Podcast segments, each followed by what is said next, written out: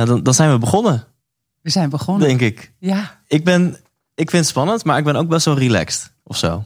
ik ook. is dat voor jou? Ja? Ja, en dat, dat komt ook door ons vorige gesprek, eh, denk ik. Ja. Dus ik heb al het gevoel dat we elkaar een beetje kennen. We hebben eigenlijk de introductie en de inleiding al, eh, al gehad. dat gedeelte hebben we al achter de Ja, rug. check even, wat is het intens? Nou ja, een paar episodes terug van de 100% Inspiratie podcast. En vandaag zien we elkaar voor het eerst in Ja. het echt. Klopt. En, ja, eh, nou valt niet tegen. dankjewel, dankjewel. Wederzijds. Ja. Ehm, ja, en, laat ik het dan maar kort introduceren. Wij hebben een podcast gedaan in de quarantaineperiode. Nou, we zijn nog steeds in een quarantaineperiode. Dus mensen die dit zien op YouTube zien ook dat we netjes anderhalf meter eh, uit elkaar zitten. Ja. Ehm, en ik dacht, ik ken jou van tv, eh, van de radio, als presentatrice. En ik dacht, nou, we gaan het gewoon lekker hebben over geluk en succes. Waar ik het meestal met mensen over heb.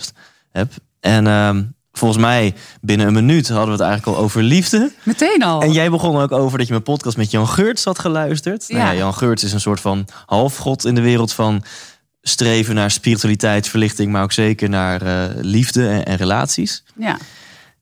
En toen hebben we het volgens mij, ja, ik heb hem ook teruggeluisterd. We hebben het gewoon een uur lang gehad over liefde en relaties. ja, het is ook maar gewoon soms wat er gebeurt en hoe Ja. het komt. En eh, nou ja, de, de reden dat ik meedeed met, jou, eh, met jouw podcast was onder andere omdat ik dat gesprek had gehoord eh, van jou en Jan Geurts. En Ja. dat vond ik heel inspirerend.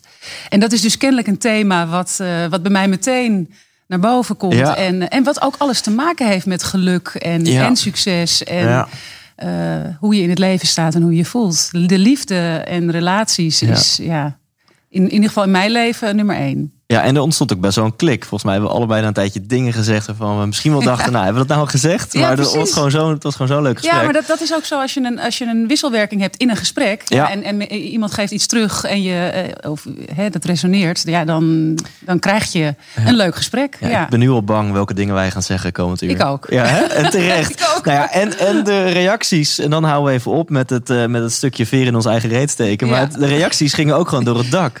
Ehm, jij kreeg veel reacties. Ik ben natuurlijk wekelijks gewend dat mensen wel reageren op de podcast. Maar het was nu echt boven gemiddeld. En mensen die zeiden, oh wat een fijne reminder om er even te weten... dat ik de liefde in mezelf moet zoeken. En wat, Ja. wat een fijne klik hebben jullie samen. En nou, net hebben we mensen gevraagd om vragen in te sturen. Die gaan we zo ook erbij pakken. Maar we kregen vooral eigenlijk als reactie... eh, oh wat gaaf, jullie gaan weer een podcast doen.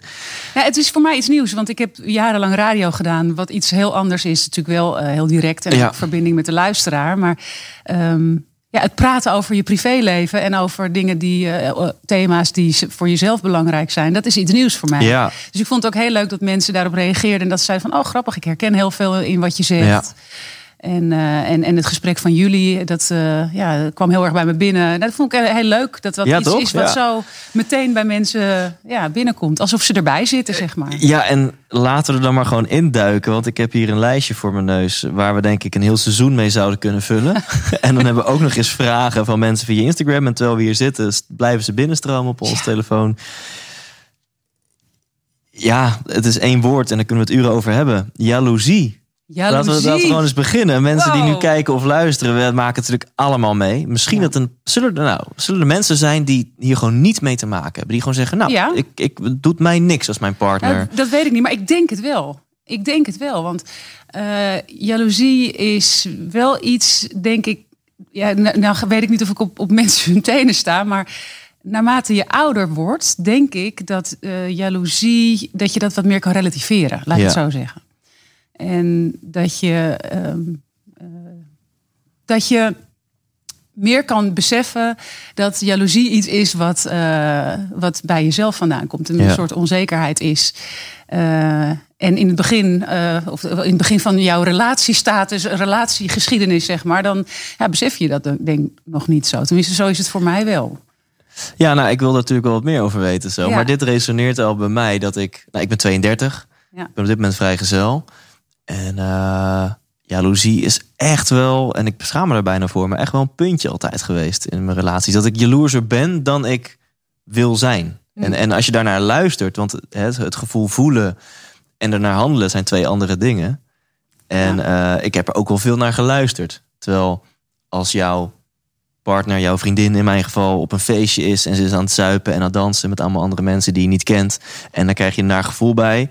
Dan kan je meteen zo'n jaloerse gast worden door de volgende dag echt allemaal van die checkvragen te gaan stellen. Waardoor zij ook denkt, ja, wat is dit nou? Daar word je niet heel aantrekkelijk van, denk ik. Van, oh, heb je met mannen gedanst en wat dan? En had je dan chance en had je aandacht. Ja, bedenk maar hoe het omgekeerd voor jou is. ja, denk je, laat me eens met rust. Nou, ergens zou ik het misschien ook wel, want het is wel een teken dat je iemand geeft. Dus ik zou het ergens ook wel heel erg misschien fijn of zelfs schattig kunnen vinden van, ah, lieverd, maar ik ben het toch helemaal voor jou. Weet je, oh, wat, wat, wat lief dat je die gedachten hebt. Heb maar je het wel eens meegemaakt dat, dat je een vriendin had die heel jaloers was? Nee, dat, nee, de- eh, nee, dat valt denk ik wel mee. Ja. En ehm, nou, nu, in ieder geval, ik heb me nu echt voorgenomen eh, om, om meer observator te gaan zijn van, van die emoties. Want die kunnen gewoon nog steeds opkomen. En dat je precies wat jij zegt, dat je dan jezelf afvraagt: oké, even gappen, Thijs. Ja. Waar heeft het nu mee te maken? Want het kan natuurlijk zijn dat je de ander niet vertrouwt. Hè? Nee. En dan, dan zijn de gevoelens tussen aanhalingstekens terecht. Want ja, dan komen ze daar vandaan. Maar als, dat, als je denkt, nee, ja, ik, ver- ik vertrouw die ander gewoon.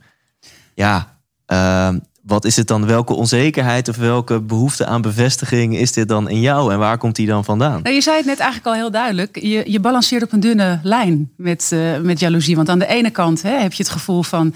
ehm, een beetje jaloezie is ook niet erg. Want dat geeft ook wel weer dat je gek op iemand bent. Ja. Of, ik heb het ook als ik, eh, als ik zelf dan een relatie eh, heb. Ik heb op dit moment een relatie, maar ook in het verleden. Als, eh, als, als een vriend helemaal niet jaloers was... Ja, dan vind ik dat ook wel lastig. Want dan Ja, voel, ik me ook niet echt gewild of geliefd. Ja. Maar ja, in hoeverre zit dat dan bij mij? Het Dat zit misschien weer. helemaal niet bij die persoon. Nou, dat is een interessante stelling. Is, is het soort van onvermijdelijk dat verliefdheid ook altijd komt met een bepaald portie jaloezie, onzekerheid, behoefte aan bevestiging? Oké, mijn vriend nu Ja. is niet jaloers. En ehm, ik heb daar in het begin best wel lastig mee gehad. Want ik meet dat echt aan eh, van hoe leuk vind jij mij? En nu besef ik me, want we zijn alweer een tijdje samen, Ja. dat ik dan denk van ja, ehm, nee, dat is, dit is toch iets eh, wat, wat ook voor een heel groot gedeelte nou, in mij zit. Misschien ook wel een klein beetje in hem dat hij dus totaal niet jaloers is. Dat heeft ook weer met je geschiedenis te maken, Ja. met je verleden. Ehm, en ik dat weet niet precies hoe dat helemaal bij hem zit. Maar ik denk dat het, eh, ja, ik vind het wel lastig om, om, ja, dat is misschien een hele goede vraag. In hoeverre hoort het erbij en, en niet? En, hoe, en Ja. soms ook niet. Maar hoor ik je eigenlijk zeggen dat je het wel fijn zou vinden als hij een keer jaloers is? Ja, ja eigenlijk stiekem wel. Eigenlijk wil je dat hij straks zegt, ja, heb je nou alweer met die Thijs een podcast opgenomen? En dan kon je wel heel vaak over hem. En, eh, Ja, ja, nou ja, soms zou ik, dat wel, eh, zou ik het wel een klein beetje leuk vinden als hij dat eh, af en toe een beetje zou hebben. En ehm, ja, ik weet niet, het, het, geeft, het is ook romantisch, een beetje, jaloezie. Maar tegelijkertijd is het een dunne lijn, want je wilt ook niet. Ik heb ook een vriend gehad vroeger die heel erg jaloers was Ja. en die continu eh, alles wilde controleren en die vroeg waar ik was geweest en eh, Mm. heb je nou nog steeds niet gebeld? Eh, wat ben je aan het doen dan? Ja. hoe, waarom duurt het zo lang? Of hè, dat als er een berichtje binnenkwam op je telefoon, dat er dan meteen je telefoon gecheckt werd. Nou ja, dat is natuurlijk gewoon heel onrustig en niet fijn. En dat wil eigenlijk niemand. nee, dat is Dus waar, heel... waar zit dan de schei? Hoe jaloers mag je zijn? Ja, ja, ja. Waar, waar vind je de gulden middenweg? Daar is de gulden middenweg. Ja, Ja, en- en hoe is dat? Moeilijk. Hoe is dat bij jou zelf? Want nu heb je het over de jaloerse gevoelens van jouw partner en exen. Eh, want je gaf wel aan, nou, naarmate ik ouder word, kan ik dat wat meer, kan ik er wat wijzer mee omgaan. Nou, Van- ik kan het verstandelijker benaderen. Want Ja. gevoelsmatig ben ik echt nog wel... eh, af en toe kan ik wel jaloers zijn. Ja, Alleen ik kan het nu precies wat jij zegt van ik ga er meer na, van een afstand naar kijken en denken van ha, eh, moet ik dit uiten of niet of in hoeverre vind ik hier wat van? Nou, dat doe ik ook meer. ja. Ik, eh, ehm, ik merk dat ik het soms wel eh, kan hebben, maar is het terecht? Ja of nee? Dat vraag ik me dan af en dan kom ik meestal op nee terecht, want het is iets wat bij mij zit. Ja. Maar ehm, Wat, wat, Ja. zijn die checkvragen? Ik noemde net al bij mezelf bijvoorbeeld, hey, van, hm, waar komt het vandaan? Vertrouw ik haar, ja of nee? Weet je wel, dat is een soort van checkvraag. ja, Of eh, herken ik deze context uit een relatie van het, uit het verleden waarin het fout is gegaan? Hè? Want dat Mhm. zo werkt je systeem natuurlijk gewoon van... hey, deze, deze context heb ik eerder meegemaakt en toen ging het fout. Oeh, dit is foute boel. Dus welke checkvragen stel jij jezelf om dat gevoel eh, te controleren, zeg maar? Mm. Ja, ik, ik denk dan van, eh, is iemand, eh, is, is je partner eerlijk? Vertelt hij je alles? En dan denk ik weer meteen, moet hij me alles vertellen? Dat is dan de check die ik dan doe in mijn hoofd. Want ja. Eh, sommige dingen hoef je natuurlijk ook niet te vertellen. Je hoeft Ja. eigenlijk alleen iets te vertellen als jij denkt dat je partner daar misschien wel wat van zou kunnen vinden. En daar, dat is natuurlijk ook weer een heel grijs gebied. Want ehm, hè, wij zitten hier nu met z'n tweeën. Nou, iedereen kan dat zien. En mijn vriend weet dat ik hier zit. Maar hier is natuurlijk niks spannends aan verder. Maar als ik een, Ja. een, gewoon een date zou hebben, of een date, een, een afspraak met een man, wat niet, dan wil misschien mijn vriend weer wel dat ik het vertel. Hè? Ja. Dus daar, waar ligt die. eh, en de- omgekeerd heb ik het nu ook eh, bij hem. Ja, hij vliegt en hij is heel vaak in het buitenland heel lange tijd, of heel lange tijd. eh, nou ja, toch wel vaak een week of tien dagen. En ehm, ehm, nou ja, ik, ik zou het wel. Ik vind het wel fijn als ik weet als hij heeft afgesproken met iemand of zo. Dat, maar dat gebeurt niet zo vaak hoor. Ehm, maar met wie? En als hij dat dan niet vertelt of zo, dan zou ik daar wel Ja. een, jaloers gevoel van kunnen krijgen. En heeft het dan ook te maken met zijn beroep en de vooroordelen die natuurlijk zijn over piloten en stewardessen in het buitenland? Ja, alleen hij vliegt vracht, dus. Ik weet niet dus wat hij met die geen allemaal in de buurt. ja. Ja, nee, dus, dus wat er eh, eh, met hem allemaal in het buitenland gebeurt, is niet zo heel spannend. Maar Nee. eh, tenminste, weet ik niet. Daar ga ik vanuit. Oh, oh, oh. ja.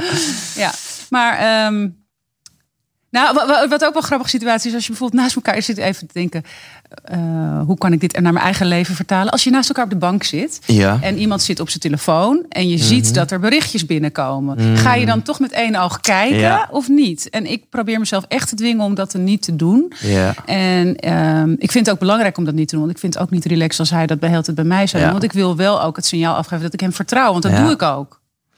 Tot het tegendeel wordt bewezen. Ja, precies. Dit is wel, ik denk inderdaad dat het gewoon niet zo slim is en niet zo gezond is om de e-mail of de telefoon van je partner te checken. Totaal ik snap niet. wel, Nee. maar dan zit er denk ik altijd op onbewust niveau of op bewust niveau wel een stukje gebrek aan vertrouwen.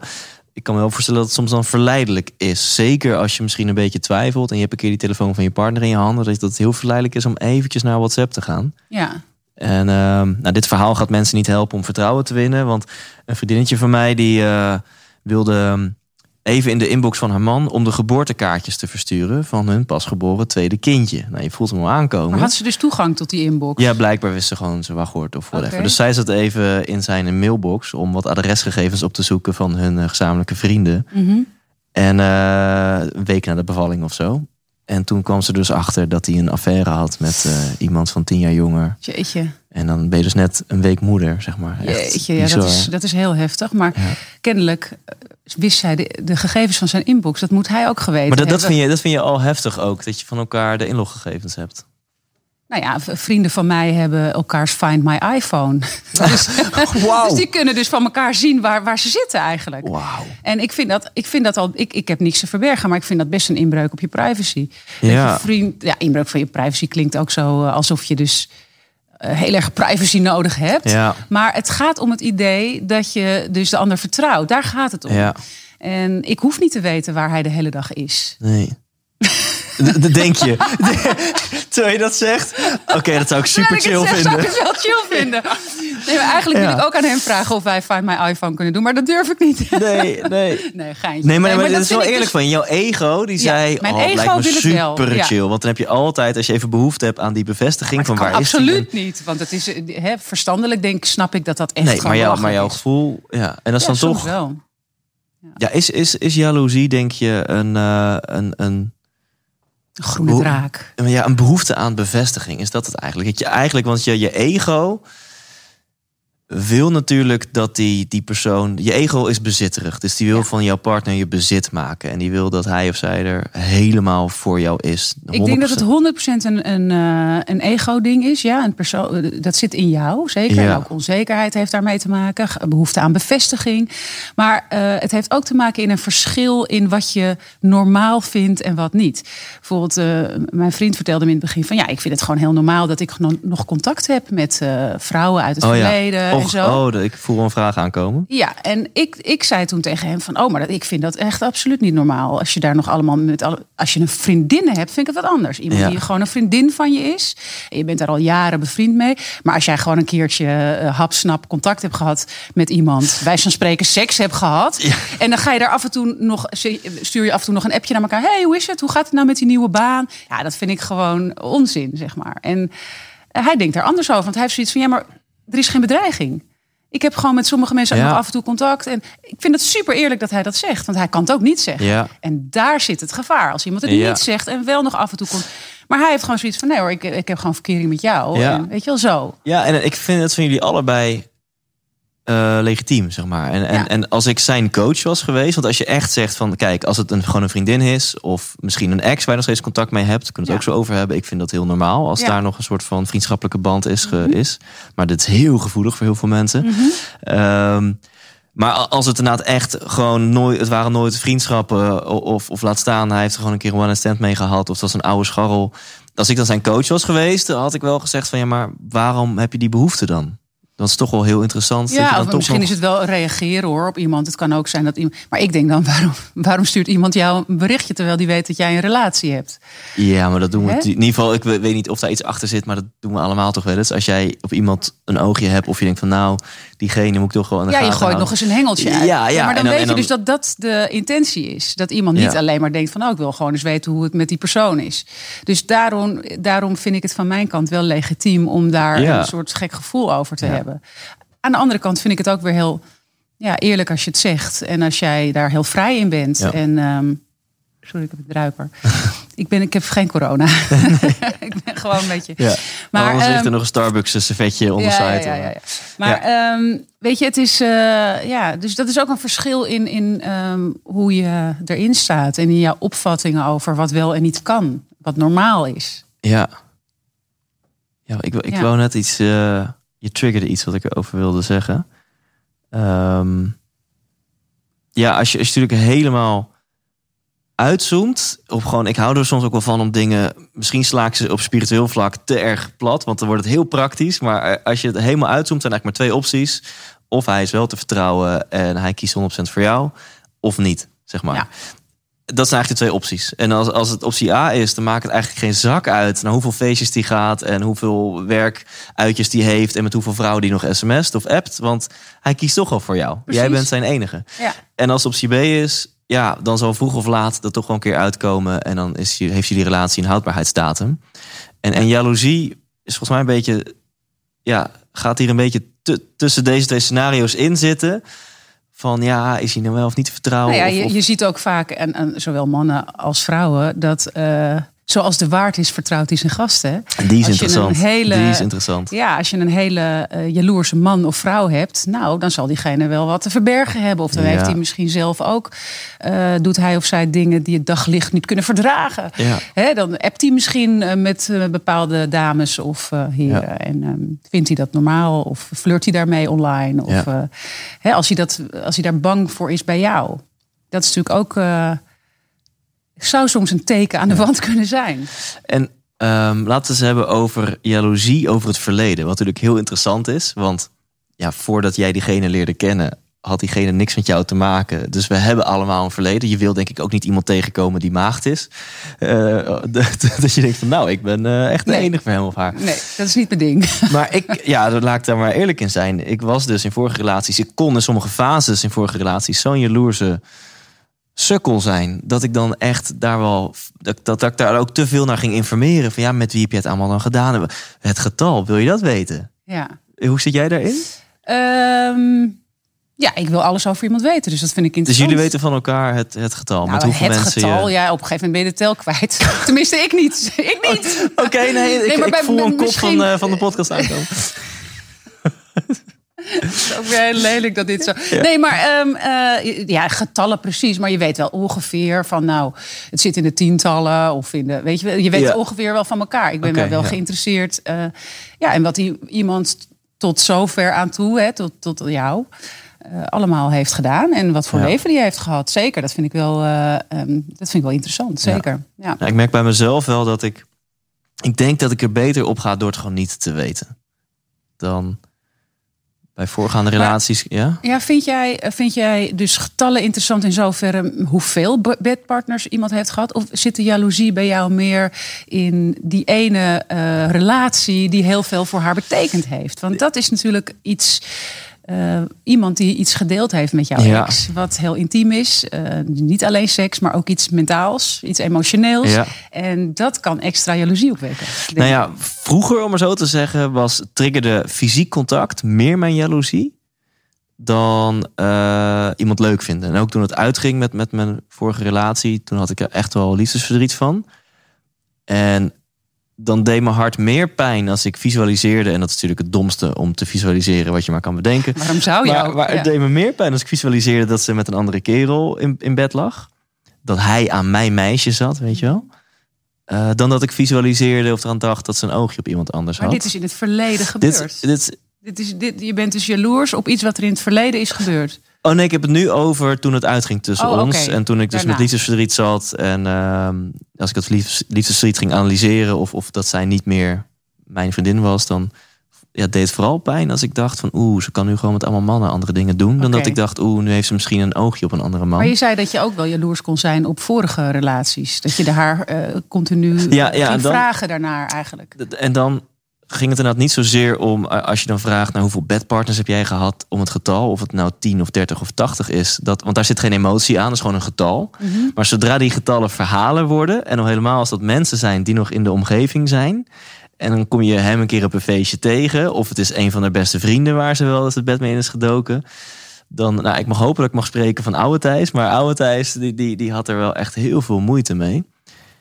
En waar ben je dan precies jaloers op? Want is dat dan dat zij iets gedeeld hebben waar jij niet bij was? Of eh, is dat eh, eh, puur het fysieke? Of dat iemand aan haar heeft gezeten en dat je dat een naar idee Ik, vindt? ik denk, als ik het...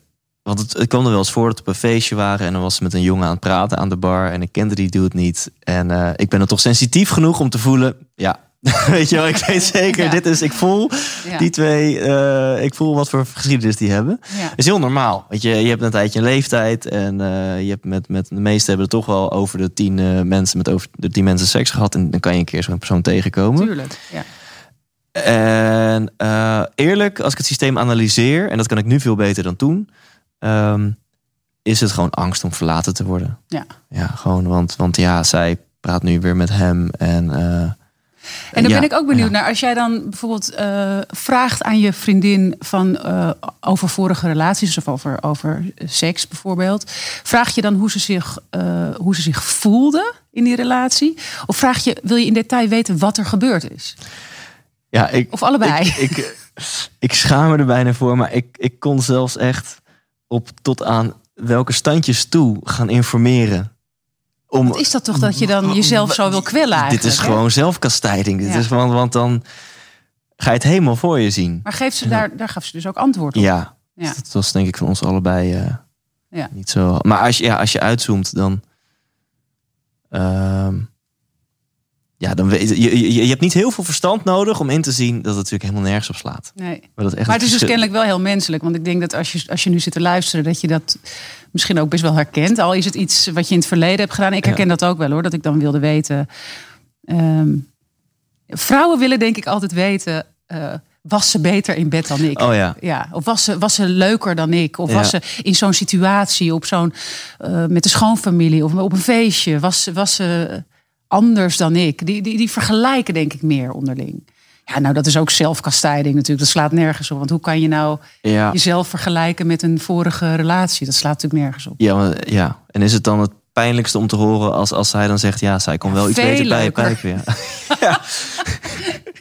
Ja, je bent wel een ongelofelijke lul als je dat gaat zeggen. Mannen niet altijd eerlijk zijn. Nee. nee, echt. Ja, ja, dat is sowieso een goede tip. Om niet altijd eerlijk te zijn. Ja, ja. En maar dat is natuurlijk ook ego. Want de kans dat jij in alles in bed de Ja. perfecte... Ik bedoel, de kans dat hij een keer iemand heeft gehad... waarvan hij de borsten net wat mooier vond. Of waar, waar, waar die net iets meer dit of dat. Dat is natuurlijk heel groot. is nu met jou. Ja, Hè? Of dat nou, eh ja, inderdaad een man is of een vrouw, dat maakt niet uit. Hij, hij of zij is nu met jou op dit moment. En kiest dus voor jou. En eigenlijk is dat alle bevestiging die je nodig hebt. En- En wat, wat zou jij dan erger vinden als jij, eh, als jouw vriend nu een keer op een feestje met iets te veel alcohol zoent met een andere vrouw en hij zegt: Ach, sorry, sorry vrouwtje, lieverd, het was echt niet de bedoeling en stelde niks voor. Mhm. Of misschien nog meer dan zoenen, maak er jouw eh, voorbeeld van.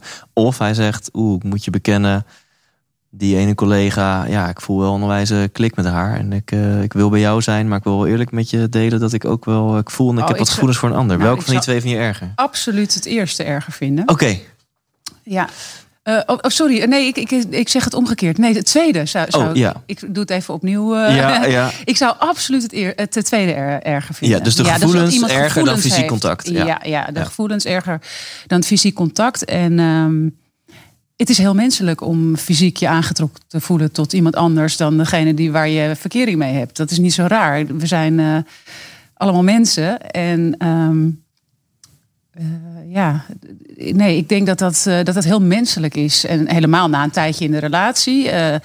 Dan ja, heb je af en toe wel eens van zo. Dat is een aantrekkelijke man ja. of vrouw. ik denk dat dat heel normaal is. Dus ja. Ehm, ik zou het wel heel leuk vinden als je het me zou vertellen dat dat gebeurd is.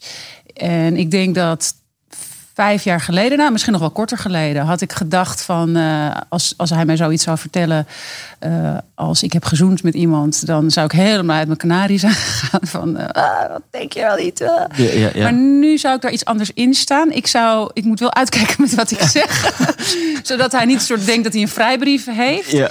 Um, maar ik vind het wel, nou, ik vind het niet onoverkomelijk. Nee, ik, vind, ik begrijp het wel. Ja.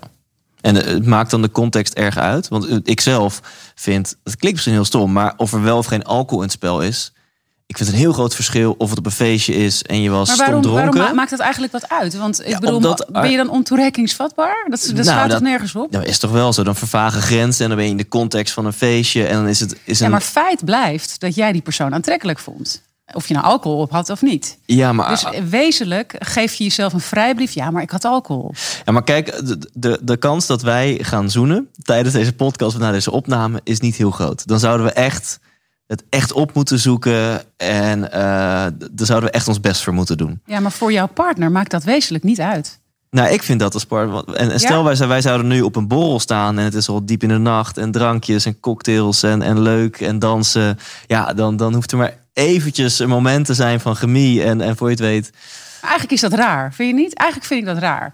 Dat wij als partner dus kennelijk um, zeggen van... ja, maar als jij een borrel op had en je hebt daarna uit een soort balorigheid met iemand gezoend... of er was een moment van uh, ontoerekeningsvatbaarheid dat dat gebeurde. En dat is oké. Maar als je bij ze spreken een leuke man ontmoet... en je denkt van, nou, ik voel even, ik heb even zin om te zoenen... Uh, en dan mag dat niet. Ja, ik, ik vind dat dus. Ik vind dat erg ik, ik, vind dat dus echt verzachtende omstandigheden. Omdat het op, op klaarlichte dag zonder alcohol vergt het veel meer bewust nadenken en een bewuste keuze mm -hmm. dan op een feestje in the heat of the moment. Ja, ik snap maar, maar, jij, ja, maar jij, jij bent het niet mee eens. Jij zegt, nou ja, het mij geen reet wat de omstandigheden nou, zijn. Mijn, mijn ego zegt misschien wel een beetje dat ja. wat jij nu zegt. Maar mijn verstand begint wel steeds meer te zeggen van ja, eigenlijk is dat best wel gek dat we dat, dat, we dat zo hebben bedacht als mensen. Dat, je, dat dat eh, dus wel oké is als je een borrel op hebt, maar dat het niet oké is als je gewoon denkt van het zonder emotionele gevoelens ja, aan vast. Hè? Niet van ik wil een relatie met die persoon, maar gewoon van nou, ik zou er best wel even mee willen zoenen. Nou, oké, okay, uh, prima. Uh, dat is eigenlijk heel gek dat je, dat, dat, dat dus niet oké okay wordt gevonden en het dronken op een feestje wel, want je bent dronken. Ja, maar misschien zijn we toch meer met, elkaar, meer met elkaar eens dan dat het lijkt. Want waarom het, als ik het nu afbel bij mezelf, waarom ik het pijnlijker vind in, in op, laten we zeggen, op klaarlichte dag context, mm -hmm. dan moet je eigenlijk die persoon wel leuk vinden. En, ja. en, en nou, dat... mensen die een open relatie hebben, zouden dat, zouden dat betwisten. Die zouden zeggen, nee hoor, seks is seks. En ja. Uh, en een gevoel is een gevoel. Dat is heel wat anders. Je kan gewoon seks of zoenen met iemand ja, zonder dat okay, je daar dan, Dan gooi je weer een andere variabele erin. Maar stel je hebt ja. een gesloten relatie. Je hebt met elkaar afgesproken, we zijn exclusief. Mm -hmm. Ja, maar dan... Ja, dan ga je dan buiten de context om van, van alcohol en uh, verzachte omstandigheden... ga je denk ik alleen maar met iemand anders zoenen als je diegene echt leuk vindt. En op een feestje, ja, dan was het gewoon projectie. Je zat lekker in je vel en je had, je had met iedereen kunnen zoenen. En het was gewoon even het moment. Ja. Ja, is, ik snap wat je zegt hoor. Ik, ik, snap zeker wat je zegt. Maar ik vind als je een gesloten relatie hebt, uh, dat, dan, dan is het voor mij geen verzachtende omstandigheid dat er gedronken is. Nee, nee okay, helder. Ja. En dan op het lijstje staat dus ook... een afspraak hebt gemaakt hè, met elkaar. Van, nou, ja. Het is oké okay als je af en toe ja. met een ander zoent, want dat zijn gevoelens nou, die erbij horen. Misschien dat we het daarover moeten hebben, maar voordat we het daarover hebben... vind, vind ik het wel leuk om, om één ding dan uh, in het kader van jaloezie te bespreken. En dat is uh, want je zei net, nou, ik vind het niet leuk dat hij nog contact heeft met vrouwen waar, ja, die in principe, waar hij geen vriendschappelijke relatie mee heeft. Waar, waarom heb je nog behoefte aan, aan aandacht of contact met die vrouwen? Wat natuurlijk ook vaak een gevoelig puntje is, zijn exen. Dat je daar, ik, ik heb, ja. zeg maar, ik heb drie serieuze relaties gehad in mijn leven. Ehm, nou, met een van die drie heb ik, heb ik geen contact meer. Met eentje eh, amper, maar we, we zijn echt, eh, we gunnen elkaar de wereld. En eentje is gewoon mijn beste vriendin op dit moment. En dat is ook echt al heel lang geleden dat ik met haar uh, verkering had. Dus het voelt bijna als een soort van vorig leven. Ja. Maar ik heb, laat zeggen, in, in, in relatie drie had ik nog contact met relatie, de dame van relatie 2. Ja. En, en hebben echt in de, in de, in de tortelduifjesfase in de eerste drie, vier maanden echt ruzie over gemaakt. Want zij vond eigenlijk dat ik haar moest beloven, ik heb geen contact meer met haar. En ze zei, ja, ik vertrouw jou wel, maar ik vertrouw haar niet. Want volgens mij wil zij jou eigenlijk nog terug. Mm-hmm. En toen, ja, ik vond het echt heel lastig. Want ik, ik ben heel erg een pleaser. Eh, als ik niet uitkijk, en dat is ook fout gegaan in mijn vorige relatie, dan, dan buig ik veel te veel mee met, met de wensen en verwachtingen van, van de ander. En verlies ik mezelf. Maar hier heb ik echt wel een soort van streep toen getrokken. Van, ja, maar dit, dit gaat gewoon zo tegen mijn principes in. Ik vind gewoon niet dat jij mag zeggen... jij mag niet meer met haar omgaan. Ja. Uh, maar, maar van jou. Ja, maar uiteindelijk, het, ze maakte er zo'n groot... Uh, ja, het, het, het, het, leverde vaak zoveel ruzie op... dat ik dan zelf al de keuze maakte... nou, dan, dan spreek ik wel niet meer met haar af, weet je ja. wel. Maar hoe, hoe sta jij hierin? Um, ik herken dit wel, want er, de, er zijn uh, in mijn verschillende relaties ook wel inderdaad dat soort gesprekken geweest. Um, ja, ik. Uh, mijn eerste reactie is inderdaad van, oh, uh, vriendschap met een ex, dat, dat, uh, he, dat is een oerreactie. Het voelt een beetje als een bedreiging. Want uh, zij heeft van alles gedeeld. Met, nou, nou draai ik het even om hè, naar mijn partner, als die dat ja. heeft. Zij heeft van alles met jou gedeeld op emotioneel vlak, op seksueel vlak, uh, noem het maar op. Dat is natuurlijk heel uh, bijzonder als iemand al langere tijd een relatie met diegene heeft gehad. En dat is natuurlijk bedreigend. Maar mijn tweede reactie is van. Uh, eigenlijk is het heel gek dat ik bepaal voor iemand wat, die, waar die, uh, wat hij doet in zijn leven en waar hij mee omgaat. Als hij gewoon zegt van jij bent mijn vriendin en je hoeft je verder geen zorgen te maken, dan is dat eigenlijk wel gewoon uh, niks, meer, niks minder dan dat. Ja. En um, het voelt voor mij sowieso niet goed om mensen dingen te verbieden of te zeggen: dit mag jij ja. niet of dit kan jij niet doen. Um, ik, zou het, ik, ik heb, heb, geen hele goede vriendschap met een ex-vriend. Maar ik kan me wel voorstellen dat als dat zo zou zijn, dat ik het echt niet tof zou vinden als iemand uh, daar iets. Wel, ja. mag er wel iets van vinden, ja. maar mij iets zou opleggen daarin. Ja. Dat zou ik heel lastig en, en dan verwacht je dus eigenlijk van je partner het level van zelfreflectie. Ja. Toch? Van, Ja. hey, wat, prima dat die gevoelens omhoog komen. Daar kan je niet heel veel aan doen. Hè? Dat op lange termijn wel kan je kijken van hey, met meditatie of whatever. Wat... Maar daarbij denk ik ook dat het dan de, uh, nou, misschien een beetje de, uh, aan de kant van de. Als ik het nu eventjes naar de man uh, zet. Hè? Dus ik, uh, ik mijn vriend heeft een uh, goede relatie met zijn ex-vriendin. Ja, ja. Nou, dan vind ik het ook de taak van een man een beetje om dan te zeggen van oké, okay, jij vindt dat lastig of je hebt daar, uh, je legt mij niks op, maar je vindt het wel een beetje lastig. Nou, wat kunnen we daaraan doen? Weet je, ik neem je een keer mee naar mijn uh, ex-vriendin ja. en laten we een keertje gaan eten met z'n allen. Als zij geen relatie heeft, hè, dat is vaak dan de, de trigger. Dat was bij jou ook zo. Ze wil je terug. Ja. Nou, dan ga je een keer eten met z'n allen en dan, ja, dan is dat toch ook weer anders. Dan maak je persoonlijk contact met iemand. Dan, ja. ja, dan zul je zien waarschijnlijk dat het ook gewoon een hele leuke meid is. Want ja, hij valt op leuke vrouwen. Dat is logisch, want hij is ook met jou op dat moment. Of hè, in jouw geval, ze valt op leuke mannen. ja, dat is, dat is toch ja, iets waar je wel uit moet komen samen, denk ik. Dat moet je elkaar niet gaan opleggen. Ja, nou, ik denk dat er nog veel extremere gevallen zijn. Die heb ik ook wel gehoord in mijn omgeving. Dat iemand gewoon zegt, je moet kiezen. Ja? Of ja. Je, als, je, als je bij mij wil zijn, dan, dan, dan, ga je gewoon niet meer met je ex om. En ja. als je haar nog wil zien, prima, maar dan pak ik nu mijn spullen. Maar het zegt ook wel iets over jou als je dan uh, die keuze ook echt maakt. Als jij ook echt zegt van, uh, oh oké, okay, nou dan kies ik wel hoor voor jou. Dat, uh, dat is ook niet goed voor je, voor je eigen gevoel, denk ik. Als je je dat laat opleggen door iemand. Ja. Volgens mij is dat niet gezond. Nee, uh, nu zou dat voor mij geen hele moeilijke keuze zijn. Als iemand, als iemand dat zou zeggen, zou ik denken: oké, okay, maar het feit dat jij dit ultimatum stelt, dat jij zo in elkaar zit, dat is voor mij 10 miljoen keer reden dat jij niet de ideale vrouw voor mij bent. Nee, en het is ook onzekerheid van die persoon. Ja. Ja. En, uh, ja, dan hoop je maar dat zij ooit die zelfreflectie krijgt van, nou, dat was niet, dat, dat was niet oké okay, dat ik dat heb geëist eigenlijk van mijn vriend. Ja.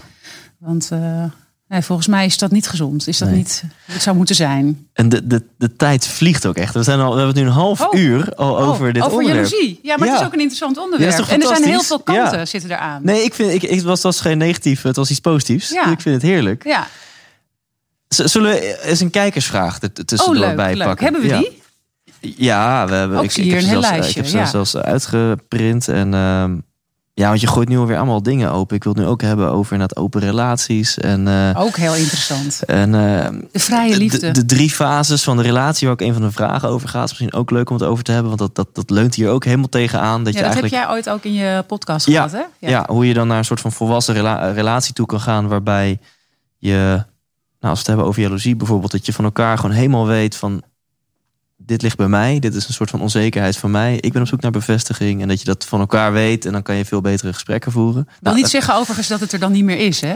Nee. Dat is ook een soort proces waar je samen door Nou ja, gaat. laat ik daar dan, laat ik dan een heel klein beetje op de stip gaan liggen. Om dan je, je jaloezie af te sluiten. Want ik, ik, ik kan eh, eh, eh, nog ontkennen, nog bevestigen dat mijn hartje zich weer een beetje aan het openen is. Oh, wat leuk. na, na, na drie jaar misschien wel meer gesloten te zijn geweest dan ik dacht. En met je kop ben je al heel snel ergens over, overheen. Hè? Dan denk je, oh, was een kutrelatie, was een kutwijf, sloeg nergens op, eh, ik ga weer verder. En dan je lichaam heeft toch wel iets andere spelregels. Ja, maar mooi Maar- dat je daar de tijd voor hebt genomen dan. Ja, ik had geen keus blijkbaar, want in die tussentijd heb ik veel gedate. En eh, een vrouw kon zo leuk zijn, maar eigenlijk niemand deed echt iets eh, met me. Maar nu, mijn hartje is, dit is echt super. Het is weer een beetje aan het openen. En er gebeuren dan ook wel interessante dingen op liefdesgebied. Leuk. En dan merk ik meteen zo, woef, dat dan ook ineens krijg je er gratis Ja. jaloezie, onzekerheid, behoefte aan bevestiging. dat je echt erbij. denkt, Ja. wow, dit, dit is hetzelfde pakketje. En Ja. dat was dicht. En dat was dus heel fijn, want ik heb dan ook een tijdje helemaal geen onzekerheden en, en behoefte aan bevestiging gehad. En op het moment woef, dat het hart opent en er gebeuren dingen, dan krijg je ook weer de hele... Dat is wel grappig, want dan kan je dus nog zoveel... eh hè, je hebt natuurlijk heel veel interviews gedaan... eh, je podcast, en Ja. heel veel mensen gesproken. En toch heb jij dat nog. Ja. Dus je weet voor jezelf ook nog niet hoe je dat Absoluut. perfect zou moeten doen. Dat, Nou. dat is ook niet zo op het gebied van de liefde. Och, was het, eh, soms zouden we dat misschien willen, maar dan zou het leven niet leuk zijn als we gewoon machines waren en je kon een Ach, knopje. nee, dan, kon je, dan zou ik nu een knopje zo jaloezie, poef, uit en dit, nou weet je wel. Precies. Maar dan. ehm, maar waar ik wel al trots op ben, ik, dat ik meteen merk, ik ga naar de observator. Daar hebben ze natuurlijk vaak in spirituele ook vaak over. Van Mhm. kan je op zijn minst eens observator worden van jouw emoties. Dus daar ben ik al wel heel trots op dat ik meteen gewoon voep naar, die, eh, naar de cockpit ga en dan mezelf analyseer van heel wat interessant. ja. Maar, en, en mezelf dus die vraag ga stellen van Ja. waar komt dit nou vandaan? En wat maakt Die, dat in die dit... fase zit ik dus ook een beetje over veel. Nou, daar hebben we het net al best wel over een aantal onderwerpen gehad. Dat ik veel meer kan denken van, ik voel dit, maar dat is eigenlijk niet oké. Dit zou eigenlijk anders moeten. Ja. In een perfecte relatie. Ja. Die er natuurlijk niet is, want die bestaat helemaal niet. Maar ben- jij ook echt wel een, een. Ik ben echt een analyseerder. Echt te erg vaak. Maar ik heb het wel nodig om, zodra ik mijn gevoelens heb geanalyseerd en ik begrijp het met mijn analyse, kan ik mijn gevoelens veel beter een plekje geven of toelaten. Heb, heb jij dat ook? Eh, nee, ik denk dat ik heel impulsief ben. Ja, ik ben, eh, ik, ik heb die gevoelens en dat moet eruit. En dan denk ik daarna, oh, dit was niet handig. Nee, en dan zet je echt- Celine Dion aan huilen ja, met nee. een zak Oreo. Ja, of twee. ja, dus het, nee, ik ben wat dat betreft veel impulsiever. Ik ben niet zo Oh, ja. analyserend, denk ik. Dat komt dan misschien achteraf. Oh ja. Ja. Dus dat is ook niet altijd handig in een relatie. Ja, bij mij is dat echt heel weird dat ik. eh, dan, dan, dan, ik ben denk ik best gevoelig, maar dan moet ik het met mijn hoofd of, of met mijn coach bespreken. En als ik dan snap van, oh, maar dit gevoel komt nu naar boven, want het heeft te maken met dat. Mhm.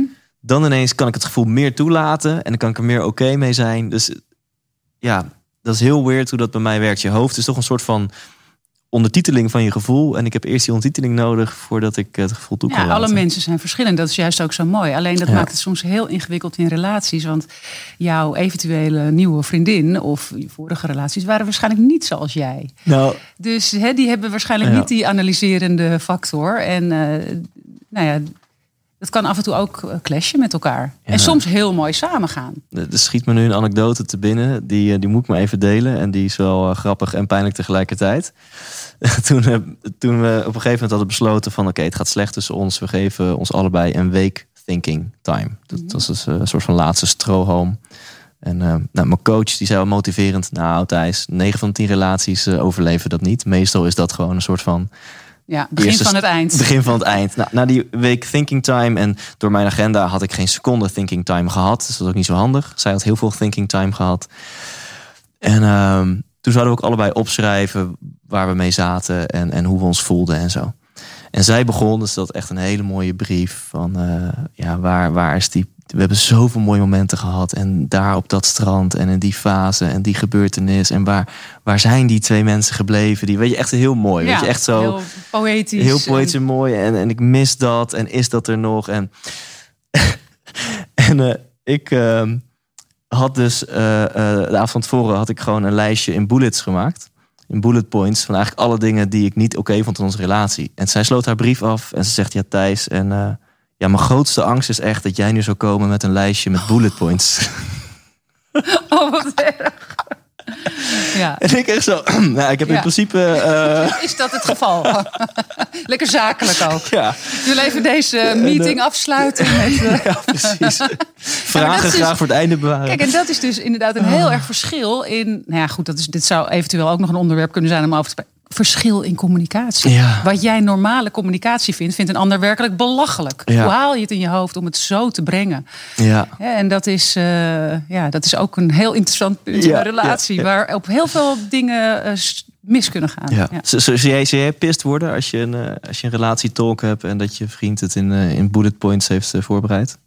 Nou, ik vind sowieso het woord, het woord bullet points samen met een relatie vind ik al vrij aromantisch. En, Ja. ja, maar ehm, eh, het, het rare is dat ik het wel begrijp. Want oh, dit is ook een heel stukje intieme informatie wat ik nu deel. Maar ik heb in mijn, ehm, eh, in mijn notities, in mijn telefoon, Ja. heb ik, eh, heb ik ook vaak, zet ik ook vaak dingen die ik of leuk vind. Dat doe ik dan ook. Het zijn niet alleen negatieve bullet points.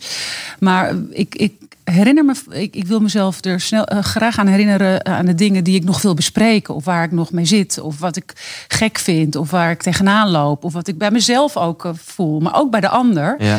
En dus die bullet points, her- her- die, die herken ik wel een beetje. ja, die herken ik wel een beetje. Alleen ik zou ze nooit zo in een gesprek... Nou, ik heb nog een paar bullet points hier in mijn notities staan. Die wil ik nog even met jou bespreken. Dat zou ik dan, weer niet zo doen. Dat moet je volgende keer iets organischer Is goed, brengen, is goed. Ik zal het powerpointje volgende keer achterwege laten. Lijkt me heel verstandig. Oké, ja, laten we eens naar wat, wat, wat vragen kijken. Ja, leuk. Ehm, ja, dit is, wel, dit is misschien wel leuk. Wen van der Lee zegt, een eerste date. Hoe weet je of er direct aantrekking is? Of dat het kan groeien? Benieuwd naar jullie visie. Ik denk dat dat heel eenvoudig is. Oh, Als je het voelt dat er aantrekking is, is er aantrekking. Als je het twijfelt, dan is er niet genoeg aantrekking. Ja, nou... In, in mijn geval. Ja, in jouw ik kan alleen geval. maar voor mezelf ja. spreken. Dus jij Nee, eigenlijk bij al jouw... geval. Ja, want bij al jouw eh, mannen, alle mannen die... Die oneindige rits aan mannen. Dank je, Thijs. Ja, als alleen al die allemaal luisteren, wordt het een succes. Deze... Oh, dat kan echt niet. Nee, ehm, maar bij alle Ja. mannen die uiteindelijk jouw vriend zijn geworden, Ja. eh, eh, daar had je op bij het eerste contact al een gevoel van: hé, hey, Ja. er is iets van: oké. Ja, eigenlijk wel. Ja, ik denk dat als je het je eh, afvraagt, dat is niet alleen met aantrekkingskracht zo, maar wat mij betreft ook in de relatie. Als je, ehm, als je echt wezenlijk twijfelt over iets, kijk dat er dingetjes zijn dat je denkt, maar de plussen zijn wat meer dan de minnen, maar er zijn ook wat dingen waarvan Ja. ik denk van, maar het is niet helemaal. eh. Maar als je wezenlijk twijfelt en je hebt daar echt een, een onderbuikgevoel over, dan zit het meestal zit er iets niet goed in de relatie. En dat is ook zo met aantrekkingskracht. Als jij een, eh, een eerste date hebt met iemand en, eh, en je twijfelt, je denkt van hmm, ik weet niet helemaal of dit het is. Ja, dan, dan, is, dan, is er, dan is het er niet helemaal, denk ik. Ja, al Je, dus. je moet overdonderd zijn. Als je thuis is, dat je denkt... Godverdomme, wat was dit? dit, was, dit was fucking amazing. Weet je wel, dat gevoel moet je eigenlijk hebben Ja. een eerste idee. Ja, ja, Eh, een eerste date. Ja, ja, jij weet van jouw gevoel is nogal intens. Dus als je iemand leuk sowieso. vindt, ja, bel jou je vriendinnen op. Dit is, dit is niet Dat normaal. is niet normaal. Ik, we gaan trouwen, alles. Ja. Is nooit gebeurd. De overigens. enige vraag is twee of drie kinderen. Maar Nee, Ja. precies. Nou ja, de- de- hè, dus eh, ja, ik, nou ja, goed. Bij mij is dat misschien vrij heftig ontwikkeld, maar Ja. ik, eh, ja, ik denk wel dat, dat er een overall gevoel is, als je echt aantrekkingskracht hebt, van dat het echt leuk is. Dat je A, iemand heel graag nog een keer wil zien. B, dat je heel graag iemand wil zoenen. Uh, dat, zijn wel, dat zijn wel pijlers, denk ik. Maar heb je het wel eens andersom gehad? Dat je dus inderdaad na een eerste date dacht... oh mijn god, dit is mijn prins op het witte paard. En dat, dat, dat je na date 2, 3 of 4 of 10 dacht: oké, okay, waar, waar dat was is het gevaar. ik? Dat, dat, Oké, okay, dat heb je wel als ik zie aan de twinkeling in je ogen dat ja. dit niet onbekend voorkomt. Nee, dat klopt. Dan is er, dan is er in eerste, want dan is er dus niet meer dan aantrekkingskracht. En dat is natuurlijk seksuele aantrekkingskracht. Want in een eerste date kan je nog, natuurlijk, je hebt een gesprek met elkaar en dat kan ook klikken. Maar uh, als er op een gegeven moment na een aantal dates dat je denkt van, oh nee, ja, is eigenlijk toch wel. Uh, hele stomme grappen of weet ik veel. Uh, zijn dingen die niet matchen. Ja. Hè, dat kan natuurlijk ook makkelijk ja. zo gaan. Ja. Tuurlijk, ja. ja. Want ik, uh, ik wil niet zeggen dat de liefde van je leven is als je aantrekkingskracht hebt bij een eerste date. En heb je ook al eens gehad dat je echt dat het naar extremen ging? Dat je eerst dacht, oké, dit is extreem de leukste man op aarde. En dat je na een tijdje echt dacht van, hoe, waar was ik? Dit is gewoon, hoe, dit is op 0% een match. Nou, dat heb ik wel met meerdere relaties die ik gehad heb. Niet alleen bij een date. Ja, ik heb wel een aantal relaties uh, dat ik denk van, uh, ja, hoe, is, hoe heeft dit zo lang kunnen duren? En wat is je antwoord daarop? Um, ja, misschien dat toch die seksuele aantrekkingskracht heel lang doorsudderde of zo. Dat dat, hè, als, je, als je chemie hebt met elkaar, dan ja. kan je heel lang de bij de les blijven. Ja, in de slaapkamer, maar ook chemie hoeft niet alleen maar in de slaapkamer te zijn. Hè. Dat kan ook uh, zijn doordat doordat je iemand gewoon in, alles wat hij doet fysiek aantrekkelijk vindt. Ja. Uh, en, en, en, en het gewoon een heel aantrekkelijk persoon vindt. Dan kan je iemand, kan een onwijs lul zijn verder. Maar ja. ja. Of hele stomme dingen doen. Of jou eigenlijk helemaal uiteindelijk geen supergoed gevoel geven over jezelf. Maar dan kan je heel lang erbij blijven. En ja, dan is inderdaad de vraag: waarom heb je dat zo lang laten duren? Ja. En misschien was dat ook wel wederzijds. Van, ik wil niet alleen maar zeggen dat dat van mijn kant zo is. Misschien is dat van die andere kant ook wel zo ja. ge geweest. Dat weet ik niet. Uh, maar ja, dat ja. kan langer duren dan, dan je achteraf uh, zinvol vindt. Ja, ik denk dat we allemaal wel relaties in onze omgeving kennen. Waarbij je denkt van, ja, volgens mij zijn jullie gelukkiger zonder elkaar. Zeker, ja. ja. Ja, ik zie ook wel inderdaad relaties om me heen dat ik denk, nou, ik zou niet per se in die relatie willen zitten. Maar ja, ja weet je, wij, wij, kunnen niet in het gevoelsleven van een ander kruipen. Zij hebben waarschijnlijk ook iets ja. naar elkaar waardoor, uh, waardoor ze het wel prettig vinden met elkaar. Ja, nou, ik... of, of het is gewoon uh, de, macht der gewoonte. Hè? Dat kan ook van we zijn nou eenmaal samen en laten we dat maar zo houden. Ja, zijn... Nou, dat is iets wat ik sowieso eigenlijk, uh, waar ik niet achter sta. Nou ja, en wat dan een beetje kan helpen. En een vriendin van mij heeft dit weet je wel eens. Dat had ze nodig om uiteindelijk een einde aan haar relatie uh, te maken. En dat leerde ik van Leo Bormans, echt zo'n geluksonderzoeker, zo'n hoogleraar geluk die ik interviewde. En die zei dat ons brein overschat ontzettend de mate van trauma die een grote beslissing met zich meebrengt. Mm. Dus als jij in een relatie zit waarvan je gewoon weet, die klopt niet. En soms ben je er gewoon eerlijk over naar jezelf en naar je vrienden of vriendinnen. Maar je durft het vaak niet uit te maken. Want inderdaad, je weet dan gewoon, dan kom ik even in een dieper dal terecht. Dus even is mijn leven nog shitter dan nu. Ja. Voordat ik. Nou, en die periode van even is mijn leven nog shitter. Ons brein heeft gewoon een systeem ontwikkeld, omdat we bang zijn voor verandering, om die periode mega te overschatten. En in de praktijk blijkt dat heel erg mee te vallen. Ja. Is dat een paar dagen of een paar weken of En een paar dus- maanden even wat minder. En al heel snel pak je de draad op en is je leven. Was dat dus uiteindelijk een goede beslissing? Ja. Ja, ja grappig is dat, hoe dat Ja. dan werkt in jouw hoofd. Ja. Ja, dat herken ik ook wel. Eh, Ja. Dat je in een relatie zit en dat je denkt van... eh, we zijn eigenlijk allebei beter af zonder elkaar. Maar Ja. ja. er is iets wat je erbij houdt. Ja. Maar om op de vraag van Wen van der Leden een antwoord te geven. Ik, ik, heb, ik herken dit dus wel. Ik, ik weet niet hoe je weet of er aantrekking eh, is. Want er zijn, er zijn dus eigenlijk drie smaakjes. Eén is jouw smaakje van dat je na een eerste date denkt... oké, dit is de meest fantastische persoon op aarde. Een anders, andere uiterste is dat je gewoon weet... nee, dit is gewoon 100% nee. En ik denk dat de bij mij zitten toch de meeste dates een beetje in het midden. Ik heb het eerste eigenlijk nog nooit meegemaakt. Love at first sight Mhm. heb ik eh, nog nooit meegemaakt. Maar wel... eh, en, en ook zeker wel de, de- de- het scenario dat je gewoon meteen weet... nee, dat kan bij het eerste drankje al zijn... dat je gewoon voelt van... nee, gewoon... is niet. Er is geen ik, ik erger me zelfs aan de vorm van je hoofd. Dit Ja. gaat hem niet worden. Nee, nee. Ehm, maar ik, ik heb wel vaker meegemaakt dat ik eh, op de eerste paar dates gewoon echt gematigd enthousiast was. Ik heb zelfs een keer gehad dat ik iemand al een jaar kende. En ineens sprong die vonk over. Dat is, dat is ook super Ja, weird. dat, vind ik, dat vind ik heel bijzonder. Dat is, dat is nog nooit gebeurd bij mij. Maar dat is eh, natuurlijk kennelijk per persoon ook eh, verschillend. Ja. Ik vind het wel mooi om te horen dat dat dus ook kan. Ja, Ja, want eh, veel mensen om me heen zeggen dan van ik moet bij de eerste date meteen voelen. Ik voel meteen of het goed zit of niet. Maar dat heb jij dus niet, want jij geeft het kennelijk nog vier, vijf, zes dates. Dat vind ik al knap, want dan denk je, nou misschien komt dat dan da- nog. En dan heb ik dus wel blijkbaar potentie gevoeld of zo. En dan haar vraag is ook hoe weet je dat dan? Maar dat is dan misschien ja, dus, dus dat je, je je voelt geen definitief je voelt geen volmondig ja, maar ook geen definitief nee. En dan is het maar toch kwam er dan wel verliefdheid na vier, vijf dates? Dat je, Nou, ik heb twee keer in mijn leven meegemaakt dat ik echt na een- dat ik iemand al een jaar kende en ineens zo poef, shit, ik vind je leuk. Dat is super bizar. En misschien heeft het gewoon met openstellen te maken. En eh, als je als je je openstelt, dan geldt misschien wat jij zegt. Dus Als je hart gewoon als je eh, als je hart niet door trauma of door beschadiging of door angst helemaal gesloten is, maar als je hart Mhm. eh, gewoon open durft te staan en je bent in tune daarmee, dan kan je denk ik op een eerste date al heel goed voelen van ja of nee. Maar als je hart wat meer gereserveerd is en een beetje zo stapje voor stapje zo een beetje kijkt van ja, open ik, open jij, ja, wel. Mhm. dan heb je er denk ik meer dates voor nodig. ja. Ja, maar dan, dan schakel je wel iets uit wat dan bijvoorbeeld intuïtie heet. Dat je een soort intuïtief voelt van Ja. dit is een, iemand die, eh, waar ik me heel prettig bij voel. Of waar ik eh, eh, verlegen van word. Ja. Of hè, die, al die, die signalen die je krijgt bij een, ehm, bij een eerste date. Ik vind het op zich wel heel knap dat je zegt van na een jaar kan het ook gebeuren. En dat heeft dus met mij te maken. Maar dan Ja. vind ik alsnog begrijp ik de vraag die, hoe heet ze? Eh, Wen, Wen. Dan begrijp ik alsnog de vraag die Wen stelt van hoe, hoe weet je dat dan?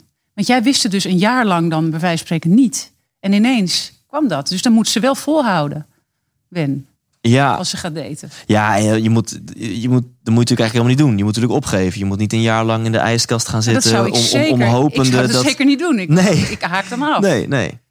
Ja, maar ik vind het wel een goede vraag. Want kennelijk is dat dus niet altijd zo als het bij mij werkt. Dat je dat meteen intuïtief weet van Nee. ja, dit, dit is leuk of niet leuk. Kennelijk kan dat ook nog groeien. Ja. Ik heb daar geen geduld voor. Ik dan van, oh nee, het is meteen niks ja en door. nee. Maar heb Ja. jij dan minder moeite om in die periodes dat je vrijgezel was, om, om dan gewoon je hart weer open te gooien? Kennelijk ben ik iemand die, eh, ik bedoel, natuurlijk, ik heb ook een hoop eh, dingen meegemaakt die niet leuk waren. En eh, er is een hoop gebeurd in mijn leven. Maar Ja. kennelijk heb- ik nooit eh, het vertrouwen in de liefde verloren. Nee. Ik zei al aan het begin van deze podcast: liefde is voor mij nummer één. Ik leef op liefde, niet alleen maar voor eh, mannen, maar ook voor mezelf en voor mijn kind. Ja. En ik vind liefde gewoon is, is een soort motor in het leven. Dat is zo, zo belangrijk. En ja, ik heb altijd wel geloofd van eh, er komt iemand in mijn leven, of, eh, of misschien nog meerdere personen die, die mij een super fijn gevoel kunnen geven. En ik hem. Ja. Dus ehm, ik ga ook al in de periode dat ik dan vrijgezel was, dan ga ik wel. Ik, ik ben niet heel lange periodes vrijgezel geweest, maar dan ga ik altijd wel hoopvol naar een date. Ik maak ook niet zomaar een date. Dan heb ik echt wel al een leuk gesprek met iemand gehad online of, eh, Ja. eh, of door de telefoon. Of dan heb ik wel al het gevoel van ja, dit is wel een potentieel leuk iemand. Ik zou niet zomaar gaan afspreken met Nee. iemand. Ja, daar kunnen we het ook nog een keer over hebben. Over alle apps natuurlijk. Over Tinder en, en, en Lexa en Second Love. En Ja, en hoe je rambam. iemand ontmoet. Dat is Ja. natuurlijk ook al best wel lastig. Als je dat nou niet wil, als je niet wil eh tinderen of eh, nou ja, noem het maar op welke dating site. Hoe ontmoet je dan iemand Ja. nog in deze tijd? Helemaal in de coronatijd, want er is geen kroeg meer open. Ja. Maar heb, heb jij het als bekend persoon lastig gevonden? Is het lastiger dan denk je? Omdat mensen jou al kennen van tv? Ja, ik vond het helemaal niet lastig. Ik kreeg de hele tijd die, die, dat commentaar van, vond je dat dan niet lastig? Maar het was heel eenvoudig. Ik schreef me in op die site en alleen maar de mannen die ik leuk heb gevonden, waar ik dan, eh, dat was dan op die site zo, die ik een hartje had gegeven, die konden reageren op mij. Ja. En ehm, dus dan wist ik al van, oh ja, dat was die eh, man. Die had ik Ja. al, heb ik al gezien. Die deed dat beroep, weet ik veel. Dus dan wist ik van, eh, ja, ik had al een soort voorselectie gedaan. Ja. Dus het was helemaal niet. eh, eh, en volgens mij kon ook niet iedereen mij zien. Dan moet je. eh, nou, ik weet niet meer precies hoe het zat. Maar ik had niet het gevoel van. Nou, ik sta nu open en bloot hier op, met mijn hoofd op het hak. Nee, en Albert Verlinde gaat hier morgen een item over maken. Nee, hoe cares? Er zijn zoveel mensen die op Ja. dating sites staan. Het is Ja. tegenwoordig ook heel normaal, toch? Ik bedoel, ja, je wil de liefde vinden. So what? Dat is toch niet echt een big deal of zo? Ja, nee, ja, ik heb vertel, het nooit zo vertel dat de ervaren. media. Over het algemeen zijn Ja, maar ik meerdere. vertel dit, ik vertel dit Ja. ook in, in, in interviews of wat dan ook. Ik, Ja. ik schaam me er niet voor dat ik Ja. op een dating site Cool. heb gestaan. Ja. was ook maar twee dagen, toen had ik al iemand gevonden. Dus het is niet Zo- heel lang geweest. Oh, eh, dit is totaal geen, geen, geen, geen, geen eh, eh, hoe zeg je dat, st- ondersteunend woordje voor mensen die al drie jaar lang op die site zitten. Oh, een vrouwtje had het binnen twee dagen. Nou ja, goed. Ja. Zeg misschien wat meer over mij dan over hun. Dat kan natuurlijk ook. Ja. En ik, mijn oog valt op een vraag van Somaya. Ehm, hoe slaag je erin om een man te laten wachten met seks zonder dat hij interesse verliest? Nou, dat is een goede vraag aan jou, Thijs. Dat kan ik niet. Nou, kijk, sowieso als een man eh, eh, eh, niet, als een man zijn interesse verliest omdat jij hem laat wachten met seks, dan is het niet de juiste man.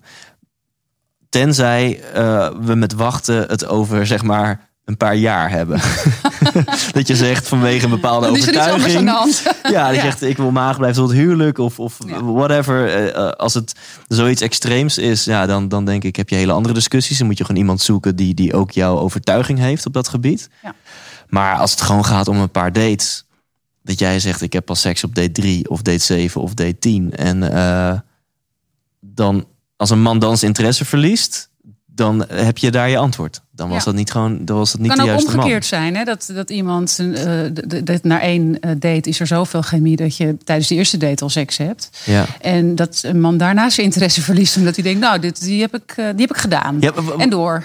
En dat is natuurlijk ook heel naar als je Ja. zelf een fijn gevoel erbij had of zo. Maar wat ik nooit snap is mij nog is dan gebeurd hoor trouwens. van horen zeggen. Dat heb ik van horen zeggen. Dat is een vriendinnetje van mij die dat vertelde, dat verhaal. Oh, heerlijk. Maar, maar wat, wat ik dan nooit snap, en misschien kun jij dan het vrouwelijk perspectief hierop geven. Dat, dat, dat, ik hoor dat vrouwen vaak zeggen: ja, nee, ik wacht gewoon met seks tot de derde date, want anders dan vindt hij me niet leuk of zo. Maar dat, dat ik dan denk. Is echt totaal geen, re- ge- geen relevante variabele. Dan wacht hij doet. Stel dat hij doet jou inderdaad niet leuk vindt. Dan wacht hij wel gewoon tot date 3. Heeft dan seks met je en dumpt je daarna. Of Ja. wacht tot date 4 of date 5. Ja, dat klinkt even heel hard, maar dat is natuurlijk wel vaak de praktijk. Het is echt niet zo dat, het, dat hij eigenlijk jou heel leuk vindt. Maar dat je het hebt verpest door te snel seks met hem te hebben. Nee, ik denk sowieso dat iets als eh, ehm, seks en eh, het met elkaar doen, dat dat niets te maken heeft met, eh, met cijfers en nummers en hoeveel dagen en hoeveel Ja, weken ja, en hoe ja. lang. En dat heeft totaal iets te maken met of je het allebei eh, leuk hebt met elkaar en het wil allebei. Ja. En als jij het gevoel hebt dat er nog even gewacht moet worden, dan wordt er nog even gewacht. En als hij afhaakt, nou dag, Ja. dan is hij het niet. Dan, Ja. eh, nee hoor, dat heeft niets te maken met jou. Ga daar nooit over nadenken van heb ik iets verkeerd gedaan. Nee. Nou, dan kan hij lekker Nee. een eh, deurtje verder gaan kijken. En het andersom, het meest foute wat je kunt doen, is dat je uit angst dat hij jou niet interessant vindt, maar meteen seks gaat hebben. Absoluut. Nee, maar dan, dan, Ja, dan- dan eh, ga je toch ook al meteen Een grens over. ja, je eigen grens Ja. over. En dan begin je ook op de verkeerde manier. Ja. Wat is dan de rest van de relatie voor... Ja, wat, heeft dat, wat kent dat voor pad dan? Hey, ik ben daarin best wel een romanticus. Als ik iemand echt leuk vind na een eerste date, dan ben ik vaak degene die voorstelt van nou laten we nog even geen seks hebben. Oh ja? En ik heb wel eens eerste dates dat is gehad. dan ook echt een statement van jou. Van laten we dat... Ja, het kan twee dingen. Soms kan het ook zijn wat ik je leuk vind, dat ik nog helemaal niet in die, in die, in die fase of in die mindset zit. Ik denk, ja, ik vind je nu gewoon leuk. Ik hoef nu niet per se je, je alle kanten van de kamer te laten zien. Maar is dat Eh, dan dat- ook echt zo? Of doe je dat verstandelijk zo van... Nou, dat komt misschien wel goed beetje, over. beetje ik het dan zeg? 50-50. Het, het niet, niet komt goed over. Dat, dat, dat ik ook denk, ik vind het wel leuk. Ik vind, het wel een, ik vind je echt leuk. Dus ik vind het ook wel een charme hebben om niet alles meteen te verspillen. Oké. Om nu gewoon te zoenen en op volgende date. eh, Om het eh, langzaam aan te doen. ja. Langzaam aan te pakken. Ja. En eh, ik, ik heb dus zelfs als eerste dates gehad die eindigden in de slaapkamer. Waarbij ik dan zei van nou, ja, laten we dat nog even niet doen. En oh, dan, echt? Dat vind ik wel sterk van Nou je. ja, ik, en ik, en de, de, de reactie die jij nu geeft, die heb ik dan ook wel eens gekregen. Dat, dat, dat ze het niet meer weten waar ze het zoeken moeten. Maar er kan ook wel een beetje bent toch- onzekerheid Jij bent, toch, jij bent toch een man? Eh, wa- wa- wa- wa- wat? Nee, ik kan me voorstellen Ja. dat je als vrouw daar ook onzeker van kan, kan raken. Dat je dan... Je, je eindigt al in de slaapkamer. Dus dat zijn al wel wat signalen dat er eventueel iets zou kunnen Ja. gebeuren. En als iemand dan zegt van... hoe laten we het nog niet doen? Uh, dat ik kan me ook voorstellen dat iemand denkt, oh, ligt dat Oh ja. dan aan mij? Waarom Ja. wil, wil je dat dan niet? Nee, ik heb, ik heb er over het algemeen wel positieve recensies over gekregen. Dat dat ze het wel heel mooi vonden. Ja. Maar het is Het echt... is ook een, het ligt eraan hoe je het brengt natuurlijk. Ja. Dat heb je waarschijnlijk heel mooi, subtiel... eh, op jouw geheel eigen dat- Thijsiaanse manier dat, eh, gebracht. Ja, goed gebracht, ja. En eh, ook, het is niet zo dat dit... Het is ook echt wel eh, natuurlijk vaak genoeg voorgekomen... dat je wel denkt van... eh, we gaan er meteen voor. Ja, het ligt aan de situatie eh, dan. Inderdaad, ik ben het helemaal met jou eens. We, we willen dan met ons, met ons logische brein... willen we dan daar dagen aan koppelen of zo. Terwijl het leven is energie, liefde is energie. Ja. En het is, maakt echt totaal niet uit... eh, eh, Er is geen goed of fout. goed of fout, ja. Nee, het ligt aan, aan het moment. En of je, volgens mij is, is, is de sleutel, voel je je allebei er goed bij. En als een van, van de twee zich niet goed erbij voelt, ja, dan gebeurt het niet of dan wacht je. Ja. Ja, dat ligt er maar echt Ja. aan eh, wat. Er is geen goed of fout. Schie- ineens schiet het onderwerp sauna dates me te binnen. Ik weet niet waarom, maar dat... Oh, dat is eh, iets wat eh, bij jou past, denk ik. Ja, zullen we dat als je cliffhangertje houden? Of- Heb of- je, oh, ja, oh ja, nee, dat, dat is, wil ik zeker als cliffhangertje houden. Ik eh, Ja, ben benieuwd. want ja, we gaan zo hard. Ehm, we moeten keuzes maken. Jij hebt ook de vragen voor je neus. Oh, Oh ja, die liggen Of, hier. of, of wil jij je compleet overgeven aan mijn leiding, vrouwtje? Nou, dat vind ik op zich ook wel, eh, vind ik op zich ook wel leuk om daar gewoon, gewoon helemaal afhankelijk op te stellen. Alleen binnen deze Nou. vier muren hoor, overigens. Ja, dit is ook een vraag echt aan de man. Dat is misschien niet zo leuk. Ehm, Nou, ik vind deze wel mooi. Mag ik er eentje Ja? nog opgooien? Hoe zorg je ervoor dat je eh, dicht bij jezelf blijft tijdens een beginnende verliefdheid? Oh ja. die vind ik ook wel mooi. Ik denk dat je, eh, dat, je je, dat je jezelf snel kunt verliezen in wat de ander wil in het begin. En je wilt graag, jij zegt het zelf ook al, ik ben vrij pleaserig. ja, Eh, ik denk dat ik die eigenschap ook wel een beetje in me heb. Helemaal in het begin. Daarna ga ik wat steviger in mijn schoenen staan misschien. Maar in het Ja. begin ben je natuurlijk zo kwetsbaar. Want je wilt graag dat het werkt. Of je vindt, vindt iemand echt heel leuk. Dus ik herken die vraag wel. Die is trouwens van eh, Claire Lambrichts. En dus ik vind dat een goede vraag. Want dat is ook e- echt wel, denk ik, een grens die je moet bewaken voor jezelf. En eh, dat is soms best wel lastig. maar ben jij dan iemand die dan van de een op andere dag eh, die persoon echt op plek 1 tot en met 10 zet? En dat je dan dus ineens je, je, je carrière en je vrienden en je, je eigen dingen gewoon veel meer aan de kant zet, omdat je alleen maar bij, bij hem wilt zijn? Dat niet. Ehm, mijn familie en mijn vrienden zijn heel belangrijk voor Ja. mij en mijn werk ook. Dus dat zou ik dan niet zo snel hebben. Maar ik heb het net al gezegd eh, eerder in dit gesprek... dat ik vrij gepassioneerd ben in, eh, in de liefde... en dat ik dat een heel, iets heel belangrijks vind. Dus eh, ik kan me daar wel door laten... hoe zeg je dat? Opslokken af Ja. en toe. Ja, een beetje te veel Maar soms. ke- hoe, hoe uitzicht dat concreet dan? Ehm, als ik iemand heel leuk vind, dat ik heel graag wil dat het, dat, dat het goed gaat en dat het goed loopt. En dat ik eh, ehm, nou, soms misschien, misschien wel een beetje te veel meega in wat de ander wil. Ja. In plaats van eh, te denken van wat wil ik nou eigenlijk zelf? En wat verwacht ik nou van de relatie? En wat waar, waar word ik blij van en gelukkig van? En wat wil ik graag? Ja. En ehm, ik ben in het begin vooral, eh, is mijn valkuil. Ik ben me daar wel bewust van. Dat ik te veel denk van wat wil hij? En wat wil, wat wil hij dat we nu gaan doen? En Ja. eh, wil hij dit? En eh, ja, daar moet je echt voor waken. Ja, dat je bijvoorbeeld denkt, oh, hij, hij wil nu vast een leuk avontuurlijk avondje uit. Dus ik ga maar wat, wat spannends voorstellen. Terwijl je denkt, ik wil gewoon eigenlijk op de bank Ja. zitten en Netflixen en Ja. eh, lekker een beetje tegen elkaar aanhangen. Vind ik heerlijk. En dat je dan dat durft, eerlijk durft uit te spreken van... hé, hey, ik heb nu gewoon zin om, om mijn huispak aan te trekken. En Ja. eh, mijn HEMA-slip. zei Ja, maar dan vindt hij me vast stom en uh, mijn HEMA-slip. Ja, daar begon je over, toch? En dan zei- ja, ja, ja, nee, ja. Ja, Soms, denkt, heb nee, ik een ik doe- selectief geheugen. Ja. ja, ik doe toch maar goed. Dit zijn inderdaad kleine voorbeeldjes hè, van eh, hoe je thuis, wat je thuis kan doen of een date. Maar grotere voorbeelden is, eh, ehm, ja, hoe deelt iemand graag zijn tijd in? Hè, jij wilt bijvoorbeeld iemand graag eh, wat vaker per week eh, Oh ja. zien of vaker per dag contact hebben. Ja. Eh, en de ander is veel, ja, veel vrijer daarin. Oh, ik vind dat heel lastig. En dat is, natuurlijk, dat is in het begin altijd echt heel erg aftasten. Ja. Op een gegeven moment vind je daar een modus in. En als je bij elkaar past, dan past die puzzel. En, maar dat kan ook heel lang een beetje net dat ene puzzelstukje niet goed passen. En dan uiteindelijk past hij soms wel. Of hij blijkt niet te passen. Ja, en misschien dat je dan eigenlijk jezelf nog niet goed genoeg kent. Dus als je al helemaal Als je heel goed van jezelf weet wat jij belangrijk vindt in het leven. Je hebt voor jezelf helder wat jouw kernwaarden zijn. Sorry, is echt zo'n Mhm. platgegooid begrip in de persoonlijke ontwikkeling. Hè? Maar als jij weet waar, waarvoor jij staat, waar jij je prioriteit bij wil leggen, waar jij je tijd aan wil besteden. En als het even kan, als jij dus in staat bent om, om al gewoon best wel happy te zijn in het leven als vrijgezel, dan denk ik dat je veel stabieler bent. En als je verliefd wordt in die beginnende verliefdheidsfase waar Claire het over heeft, dat je dan veel beter nog kan vasthouden aan die baken die heet gewoon 100% jij, jijzelf. Ja, maar daar En zit ook je- een eh, moeilijkheid in.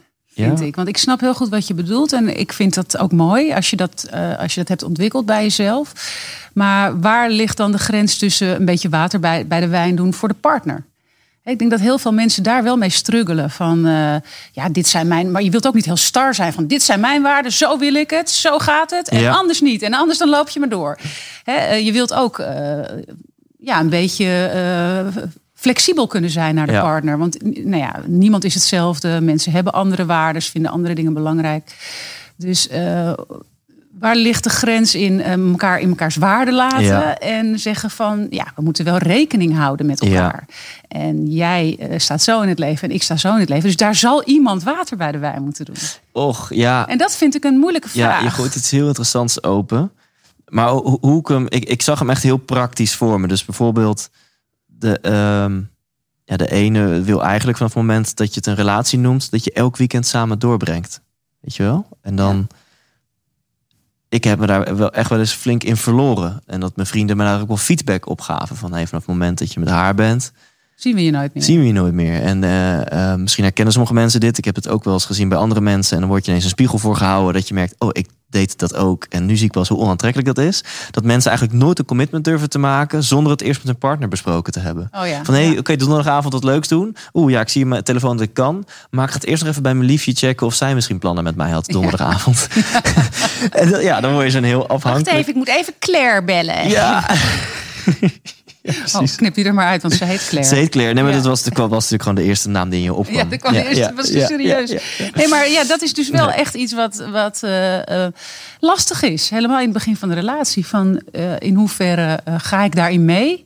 Of vind ik het misschien wel echt prettig om Ja. het zo aan te pakken? Maar ik, als ik dan naar mezelf eerlijk ben, ik was gewoon veel te afhankelijk. Dus dan, dan was ik dus niet iemand die al vrij stevig in zijn schoenen stond. Had ik ineens een liefje, een, een, een, een, een, een soulmate gevonden. En dan dacht ik, oh, nu is mijn leven wel compleet. En dan ga je, ga je daar veel te veel aan vastklampen. Mhm. En dat is, dat is voor eventjes leuk. Ja. Maar dat is niet natuurlijk Maar het andere, voor- het andere uiterste is dat jij eh, hebt bedacht van... ik ben Thijs en zo wil ik het. Dit zijn mijn pijlers in het leven. En, en iemand die daar dan bij komt... nou, die kan zich daar heel leuk aan aanpassen. Maar dit is hoe ik het wil doen. Hè? Dat, dat heeft ook iets heel stars. En dan sta je ook niet open voor de liefde. Maar goed, nu, nu zet ik, zeg ik het heel zwart-wit hoor. Want eh, waarschijnlijk is het veel eh, eh, meer barbapapa Ja. dan dat. Maar het is, ja, dat, dat vind ik wel soms een lastige grens. Nou, dit vind ik super interessant. De vraag: hoe vind je de middenweg tussen pleasen en ja, rekening houden met de ander? Ja. Want het is heel norm. Je wil dus niet te veel pleasen.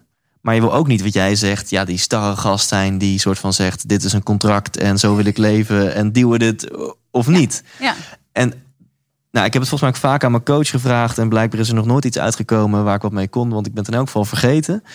ik ben ook wel benieuwd hoe, hoe, weet de je nou- luisteraars dat doen. Ja, hoe weet Echt je nou voor jezelf ook van... hé, hey, nu ben ik aan het pleasen. Of, of wanneer je denkt... Want ja, je wil wel... Ja, je wil wel voor elkaar zijn. Je wil je ook een beetje... Liefde is ook een beetje naar het water bij de wijn. Geven En en je nemen. aanpassen. Ja, Ja, en je zal altijd een partner vinden die eh, in principe niet jij is. ja dus, gelukkig. eh, Gelukkig maar, want dat is ook spannend en dat geeft ook een spanningsveld. En dat geeft ook, eh, alleen wrijving maakt glans. Dus dat is ook belangrijk. Alleen, ja. ja, je moet wel rekening met elkaar houden. En tegelijkertijd je eigen grenzen bewaken. Nou, laten we met een voorbeeld komen. Vrouwtje, stel wij hebben een relatie. En voor mij is bijvoorbeeld familie heel belangrijk. En ik vraag van, hey, heb je zin om... eh, wat is het vandaag? Dinsdag? Toch? Ja, heb je zin om aanstaande zondag? eh, ik ga dan naar mijn familie en eh, ik wil graag dat je meegaat. Het is een hele lange dag, van 12 Nou, uur middags tenzij, tot... tenzij mijn dochter iets op school moet doen, wat heel belangrijk is, of een voorstelling die echt voor mij zou ik met je meegaan. Oké, ook als jij het geen reet aanvindt? Ja. Oké. Dan zitten we nu nog in de categorie: dit is gewoon liefde, water bij de wijn. Ja. hey, dit is voor jou belangrijk. Stel dat ik zeg: ja, ik wil eigenlijk elke eerste zondag van de maand wil ik de hele dag naar mijn familie en wil ik dat jij meegaat. Ja, dat vind ik wel. eh, nou, dat vind ik nogal een commitment die je dan maakt. Dus dat vind ik, daar zou ik dan wel samen over willen praten. Van waarom is dat zo belangrijk? En kunnen we dan niet één keer in de maand eh, naar je familie? Of wat zei je, één keer in de maand? Kunnen we dan niet. Ja, ik zei één keer per maand. Je. Ja, kunnen we niet één keer in de twee maanden gaan? ja. Of, of, nou ja, nee. eh, jij kan dan misschien één keer in de maand en ik haak af en toe aan. Of ik Ja. vind die commitment vind ik dan wel heel heftig. Van we moeten elke maand. Als het woordje moeten erin komt, vind ik wel wat lastiger worden.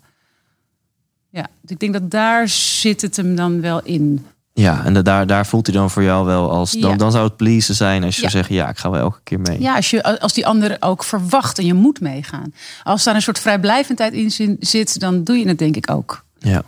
liever, gra meer graag. Ik vind aan de andere kant van de tafel ook wel heftig. Ik zou zelf niet zo snel mijn partner ergens naar mee durven te vragen. Als ik weet dat zij het niet zo leuk vindt. Dan zou ik me in elk geval heel erg bewust zijn van het feit. Ze doet me nu echt een gunst. Snap Maar je? stel nou dat jij dan alleen naar je familie zou gaan, omdat je weet, eh, eh, misschien vraag je er niet mee, omdat je weet dat ze het lastig vindt, of je hebt het wel gevraagd en je hebt gezegd, joh, maakt helemaal niet uit, ga lekker met je vriendinnen winkelen, ik ga naar mijn familie en dan zie ik je lekker daarna. Mhm. Maar dan zit je daar toch met een bepaald gevoel op die verjaardag van die familie, waar iedereen zijn partner bij zich heeft en jij niet. Ja, het is dan Hoe- hoe is natuurlijk ook. dan? De, de, de, het is de, de context maakt natuurlijk ook heel erg het verhaal van als het een één keer per jaar familiegathering is. Want oma is zoveel jaar, eh, wordt zoveel jaar of whatever. Dat is natuurlijk Of anders. je zit er elke week te eten, ja, of om de twee weken. en, en dan kom je toch op het punt dat, dat nou, jouw lifestyle stond. Een van de puntjes van onze agenda, waar we misschien een hele episode zelfs over kunnen maken. Ja, dan kom je toch op het punt van lifestyle na een tijdje. Van wacht eens eventjes, hoe belangrijk is, is familie voor jou? Hoe belangrijk is werk voor jou? Hoe belangrijk is vakantie voor jou? En, en, en denken we wel hetzelfde over het leven? Ja, en, en dit is natuurlijk projectie, want ik, ja, ik vind over het algemeen meegaan naar familie gewoon het kutste wat er is. ik, ik, duidelijk. vind, Ja. ik kan het, en dan sugarcoat ik het nog. Ja. En ehm, ja, dus als ik dan een keertje meega, dan, dan is het, voelt het voor mij echt als een mega favor. Maar al- als ik, ik zou dus niet met iemand kunnen zijn die zegt. En het is het verschil tussen gezin en familie. Hè? En dan ook nog eens de, de, en, en ook de, de frequentie. Maar als ik Mhm. met iemand ben die zegt echt mijn hele familie, mijn ouders en mijn ooms en tantes, mijn neven en nichten, is voor mij zo belangrijk. En nu ook eigenlijk wekelijks zien. Ik wil dat je meegaat. En ja, dan gaat het. Dan, Zit dan, het dan, er niet ook heel erg in hoe iemand dat dan vraagt of verpakt? Want als jij zegt, ik wil dat je meegaat en dat is voor mij super belangrijk en ik, ik wil dat je dat doet, dat voelt veel dwingender voor mij dat je zegt van, ik weet dat je het niet leuk vindt, eh, we hoeven het echt niet elke maand te doen, maar eh, dit keer is oma jarig en die is maar leeft dan- misschien niet lang meer. Of, ja, Ja, nee, maar dan- een dan- heel dan- heftig voorbeeld. Maar ik vind het echt heel fijn als je meegaat. Ja. Ik voel me echt, ik vind het echt le- lekker als je erbij bent. ja. Ik, eh, hè, dat zou Maar dan, dan, dan, dan, dan komen we eruit. ja. Dan komen we eruit. Als je daar wat starter in bent, dan ja, dan zit het kan- niet allemaal in communicatie en hoe je dingen brengt naar je partner? Ja, en ook het kan ook gewoon zijn dat je de conclusie trekt: we, we passen niet bij elkaar. Want stel jij vindt het echt heel belangrijk dat jouw partner super frequent met jou meegaat naar jouw familie. Ja, En voor meegaan naar jouw familie kun je nu heel veel andere dingen invullen. Het is maar een voorbeeldje. ja. En die ander vindt dat echt een super eh, eh, eh, onaantrekkelijke activiteit om te doen. Dan kan je, er net, kan je er heel goed over communiceren. Maar dan kan natuurlijk ook de conclusie zijn... Hey, gaan wij elkaar wel gelukkig maken? Ja. Gaat dit niet, zolang wij samen zijn... een discussie, een ruziepuntje worden? Ja, ja zeker. Alhoewel ik dus ook vind dat je een beetje water bij de wijn moet doen. Ja. En daar gewoon even lekker met dat kopje koffie op je schoot met oom eh, Riet praten. Ja. Ja, ik vind dat Nee, er wel en- soms bij hoort. Nee, absoluut. Maar, dan, maar dan heb je over geven en nemen. Geven en dan, nemen. eh, Ja, ja zeker. ja, ja. Huh, Wat een onderwerp allemaal. ja, hè? Zo in een korte tijd. Ja, we, we moeten al bijna gaan, ja, we moeten gewoon gaan afronden, ben ik bang. Oh, echt? Ja, we kunnen, gaat zo ja, snel. Ja. Zie jij nog Nou ja, we iets, hebben nog eh, honderd onderwerpen ik- die ik- we, ik- waar we het over scroll- kunnen hebben. Ik scroll nog even ehm, live door de, door de Instagram. Om te kijken wat, eh, wat er binnen is gekomen. Ja, want als, eh, als je nu een nieuw iets opgooit, dan ben je daar zo weer een half uur, half Ja. uur verder mee. Oh ja, bij mij ehm, iets over heartbreak komt binnen. Over eh, hoe je snel van je verdriet af kan komen. Als je Oh, hart goeie. gebroken is. Die is Ja, Oké, dat is van. Hands on Bars, zegt dat. Over heartbreak en hoe je sneller van het verdriet af kan komen. Eh, wanneer onverwachts je relatie is beëindigd. Ja, ik denk dat dat echt niet iets is om even een paar minuutjes te bespreken. Want dat is, dat is zo'n. Dat is zo'n complex onderwerp. Ja. Dat is een voor een andere. Nou. Dan kunnen we het beter nu over sauna dates hebben. Als Nou ja, ik- daar, daar wil ik nog wel even op terugkomen. Want jij hebt het zelf opgegooid. ja. ik dacht dat dat alleen iets was wat, eh, wat homo's deden, sauna dates. Oh, Ja, dat is in, in, in die scene is dat eh, de, de Nou ja, ik heb, gebruikelijke nou ja, eerste weet ik niet, maar ik, dat weet ik niet. Ik, daar ben ik misschien heel naïef in. Maar ik heb een aantal homo-vrienden en die hebben dat dan verteld dat ze dat wel eens hebben gehad. Mm. Ja. Maar jij dus Nee, ook. die, die resoneert niet met mij. nee, ja, ik. ehm, dit, dit- mensen die, die, die zitten nu op het puntje van hun stoel van oké, Thijs. ehm, Ja. Bevinden dit interessant? Ja, Eh, ik licht ook. toe. Ga door. En ik ben dus een. Ah, laten we beginnen met. Ik vind de sauna gewoon super sommige mensen vinden de sauna gewoon helemaal ruk. Die houden niet van die hitte. En, nou, sauna, gewoon ge- geen telefoon, geen prikkels. Je bent naakt. Echt na zo'n dagje wellness of gewoon een saunaatje na het sporten ben ik helemaal zen. Helemaal happy. Ja. Dus het is gewoon een de sauna aan zich is gewoon een activiteit die ik super leuk vind. Tuurlijk is het ook leuk.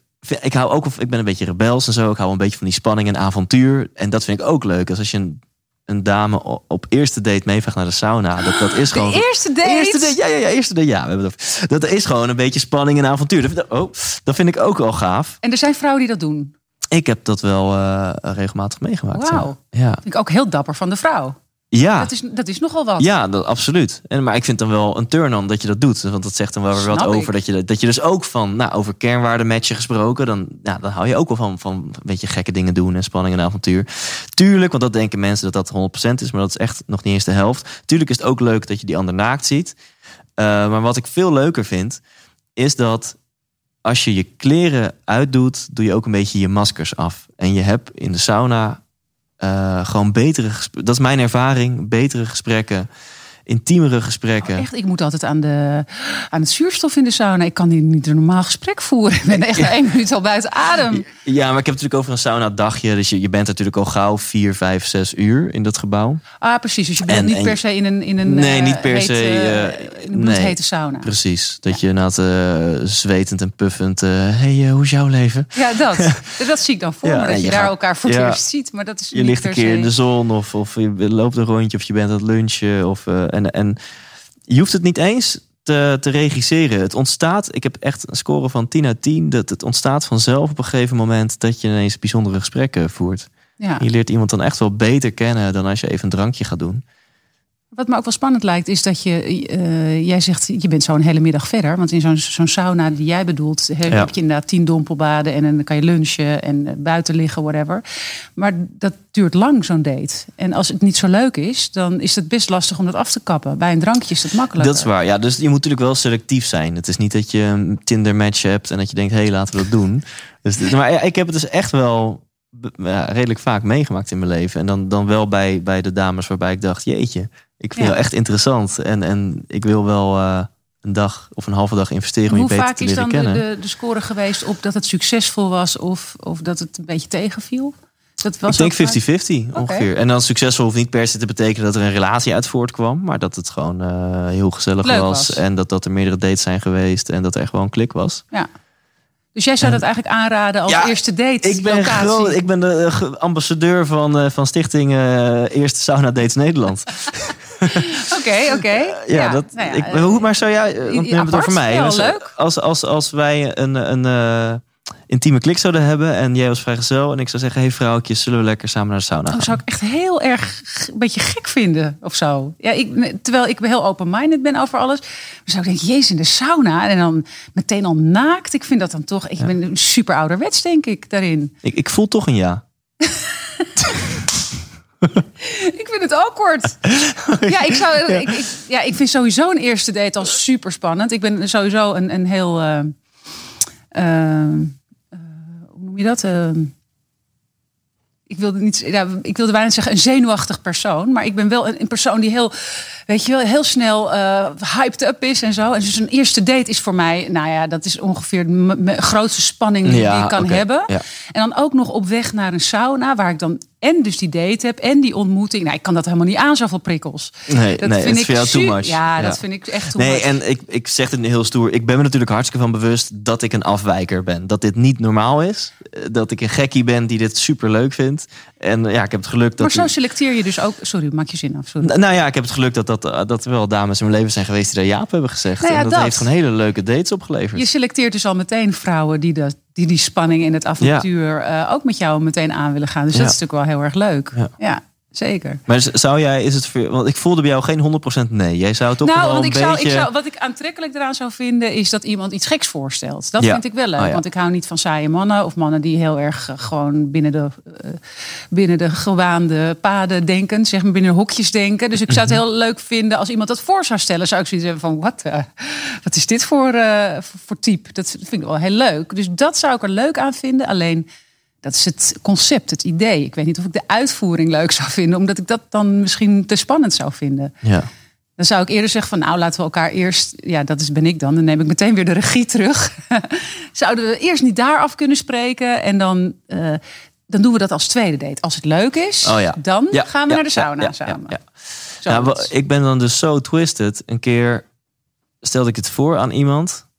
En ik had al echt zo het gevoel van, nou, ja, ik vind jou echt wel heel leuk. Misschien, eh, dus ik ging al vol hoop echt die eerste date in. Van, eh, misschien eh, wordt dit wel gewoon iets serieus tussen ons. En toen zei ze, nou, nou ze vond het niet zo leuk. Die zei ook zoiets van, nou, misschien date twee of drie. Maar laten we, ik kom wel naar jou toe en dan gaan we samen koken. En dat was zoveel meer uit mijn comfortzone Oh ja? dan gewoon lekker naar de sauna gaan. Oh, Dus nice. dat, is, leuk, toch? en toen werd ik ineens zenuwachtig. En zei Ja. ja. laten we samen even dan de Albert Heijn in. En ik denk, jezus, dan, dan, dan, dat is al een soort van... Dan ben je als Nooit van... in de Albert Heijn. Ja, ja, hoe doen mensen dat? Ja.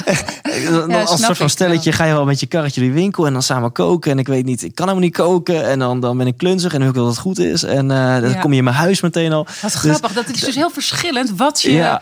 In je comfortzone vindt. eh, Ja. Of niet qua eerste date. Of Ja. eh, ja. Waar je je lekker bij voelt. Ja. Wat is jouw ideale eerste date? Laten we daar dan mee afsluiten, vrouwtje.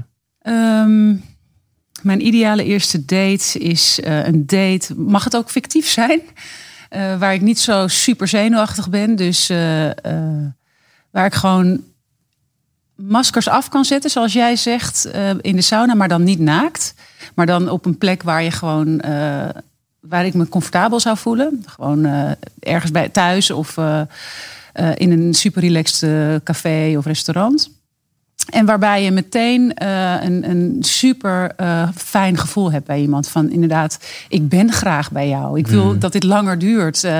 Ik wil nog meer weten. Ik wil nog meer praten. Dat is een ideaal gevoel. Dat, dat heb je ook niet zo snel. Dat is echt wel bijzonder. Ja. Om met iemand die klik te hebben. En dan zou het wel afsluiten met een zoen, denk ik. Ja, ja want dat is wel meteen de ultieme bevestiging van... wauw, dit was helemaal Ja. overrompelend. Ja. Eh, of, eh, hmm, En vind je dan dat hij die move moet maken? Ehm, nou, dat hoeft niet per se. Nee. Nee, dat hoeft niet per se. Dat kan gewoon gebeuren. En dat, Ja. als, als, als dat vanuit mij zou komen... Ja, ik denk niet dat hij... Als er een klik is hè, in de Ja. date, dan zal hij me niet wegduwen. Nee. Dat zou sowieso een beetje Het, het raar zijn. mooiste is inderdaad als het, als het soort van ontstaat. Het ontstaat. Dat het, dat het echt dat na een tijdje het Ja, gesprek valt stil. date. Ja, en Ja, dat dan het dan zou- als een soort van magneet dat je gewoon allebei dat je gewoon echt in flow bent met elkaar en dat je Ja. gewoon naar elkaar toe beweegt en dat het gewoon het gebeurt. Dat, dat, is het mooiste. Ja. Dat zou het ideaalste zijn. Dus dan is er geen initiatief van... nou, er gebeurt niks, dan ga ik maar. ja. En dan zegt hij, weet je, ik vind je echt leuk, dus laten we nog niet samen slapen. Ja, ik weet niet hoor. Het kan ook gewoon zijn van... Kom hier. Ja. Ja. Dat Ja. kan ook. Ja, Ja, dat ligt er maar net aan hoe het loopt. Ja. Dus dat. Leuk. Ja. Nou, Ja, ik laat me stil te vallen. Ik denk dat we, dat we hebben echt genoeg om, eh, om dit nog een keertje eh, te doen. we hebben zoveel onderwerpen. Maar dat, dat Ja. komt ook weer, dat is het mooie van praten over relaties en over de liefde. Terwijl je erover praat, denk je, ah ja, Ja. pak je die zij weg of die zij weg. En ik denk dat als je zit te luisteren, dat je dat misschien ook wel herkent. Dat je zelf eh, nog allemaal dingen had waarvan Ja. je, oh ja, ja, dat vind ik ook wel leuk om, eh, om te horen. Ja. Of om het zelf over te hebben. En het is ongetwijfeld herkenbaar wat we hebben besproken. Of misschien zijn wij de enige die, die, die, die successen en De fuck-ups meemaken in de relaties en liefde. Ja, ja nou, dat denk ik niet. Ja. Nee, iedereen herkent wel iets, denk ik. Ja. Ja, dus ik zou zeggen, als je dit hoort, la- laat even weten wat je ervan vindt op onze Instagram. Ik vind het wel heel spannend, want het is ook wel heel kwetsbaar om te praten over de liefde. Want je gaat hoe dan ook persoonlijke dingen zeggen. Dingen die jij voelt, Ja. die jij vindt. Ja. En die zijn natuurlijk toch, ja, het is toch altijd kwetsbaar. Ga je dit terugluisteren? Nee. Je gaat, oh, je gaat het niet terugluisteren? Nee, ik heb mijn andere podcast met jou ook niet Ook niet? teruggeluisterd. Nee. En van waar? Daar word ik ongemakkelijk van om eh, Ah, een gesprek van mezelf oké. terug te luisteren. Ja. Nee, dat is dan. eh, Ik loop hier nu straks weg. En dan denk ik van, oh, wat heb ik allemaal gezegd? Heb ik allemaal gezegd dat? dat? Dat gaat dan wel door mijn hoofd. En als mensen reageren met van ik heb het gehoord en het eh, resoneert of ik heb, iets, heb er iets mee, dan denk ik wel van, oh, wat grappig, welk stukje zou dat dan geweest zijn? Oh ja. Zo, maar ik ga het niet terugluisteren. En, en heb je nu het gevoel van, oef, ik heb misschien dingen gezegd die niet zo handig waren Ja om te hoor, zeggen? wel meerdere dingen. maar het is ook een kwestie van loslaten. Ja, want volgens mij zitten we nog maar, we're just getting started. Ja, ja, dat, Ja. Je, dat is toch. Je moet als je over dit onderwerp moet je persoonlijk worden. Ja. En, eh, ja, dat moet je ook gewoon dan maar gewoon loslaten. Iedereen hè, maakt dit mee. Ja, Iedereen doet stomme dingen en Ja. eh, dingen die waarvan je denkt, maar had ik misschien volgende keer anders kunnen doen. ja. Ja. Het is zoiets, het is zoiets bizars, hè? liefde en relaties. Echt. Dat we willen het allemaal en de films en de liedjes gaan er allemaal over. Ja. En het kan heel mooi zijn en je kan er dood en dood ongelukkig en miserable van worden. Het is ongrijpbaar. Ja. Nou, met die positieve noot lijkt het me goed om af te sluiten. Oh my god, ja, inderdaad. Ja. Ja. Ja. Maar het is wel iets wat we nodig hebben allemaal. Liefde. Ja, absoluut. Ja. Misschien is dat dan ook een keer een thema zelfliefde. Hè? Want dat, dat, nou, is dat misschien een mooiere afsluiting. Mijn coach, waar ik het ook een paar keer over had, deze episode, die heeft mij, toen ik echt goed in de shit zat qua liefde, toen zei die Thijs, zij kan jou helemaal geen liefde geven. Je kan alleen maar, zij kan jou alleen maar herinneren aan de liefde die al in jou zit. Wauw, dat had ik niet zo kunnen afsluiten. Mooi toch? Ja, vind ik heel mooi. Met dank aan Albert Zonneveld. Ja, vind ik mooi. Vind ik mooi. Ja. cool. Prachtige eh, zelfreflectie. Thanks, Foukje. Ja, graag gedaan. Vond Air heel leuk. dan. Yay. Oh, Oh ja. ja, mag oh, ja. Oh, Oh, dit- dat mag natuurlijk nee. niet. Bij deze dan. Ja.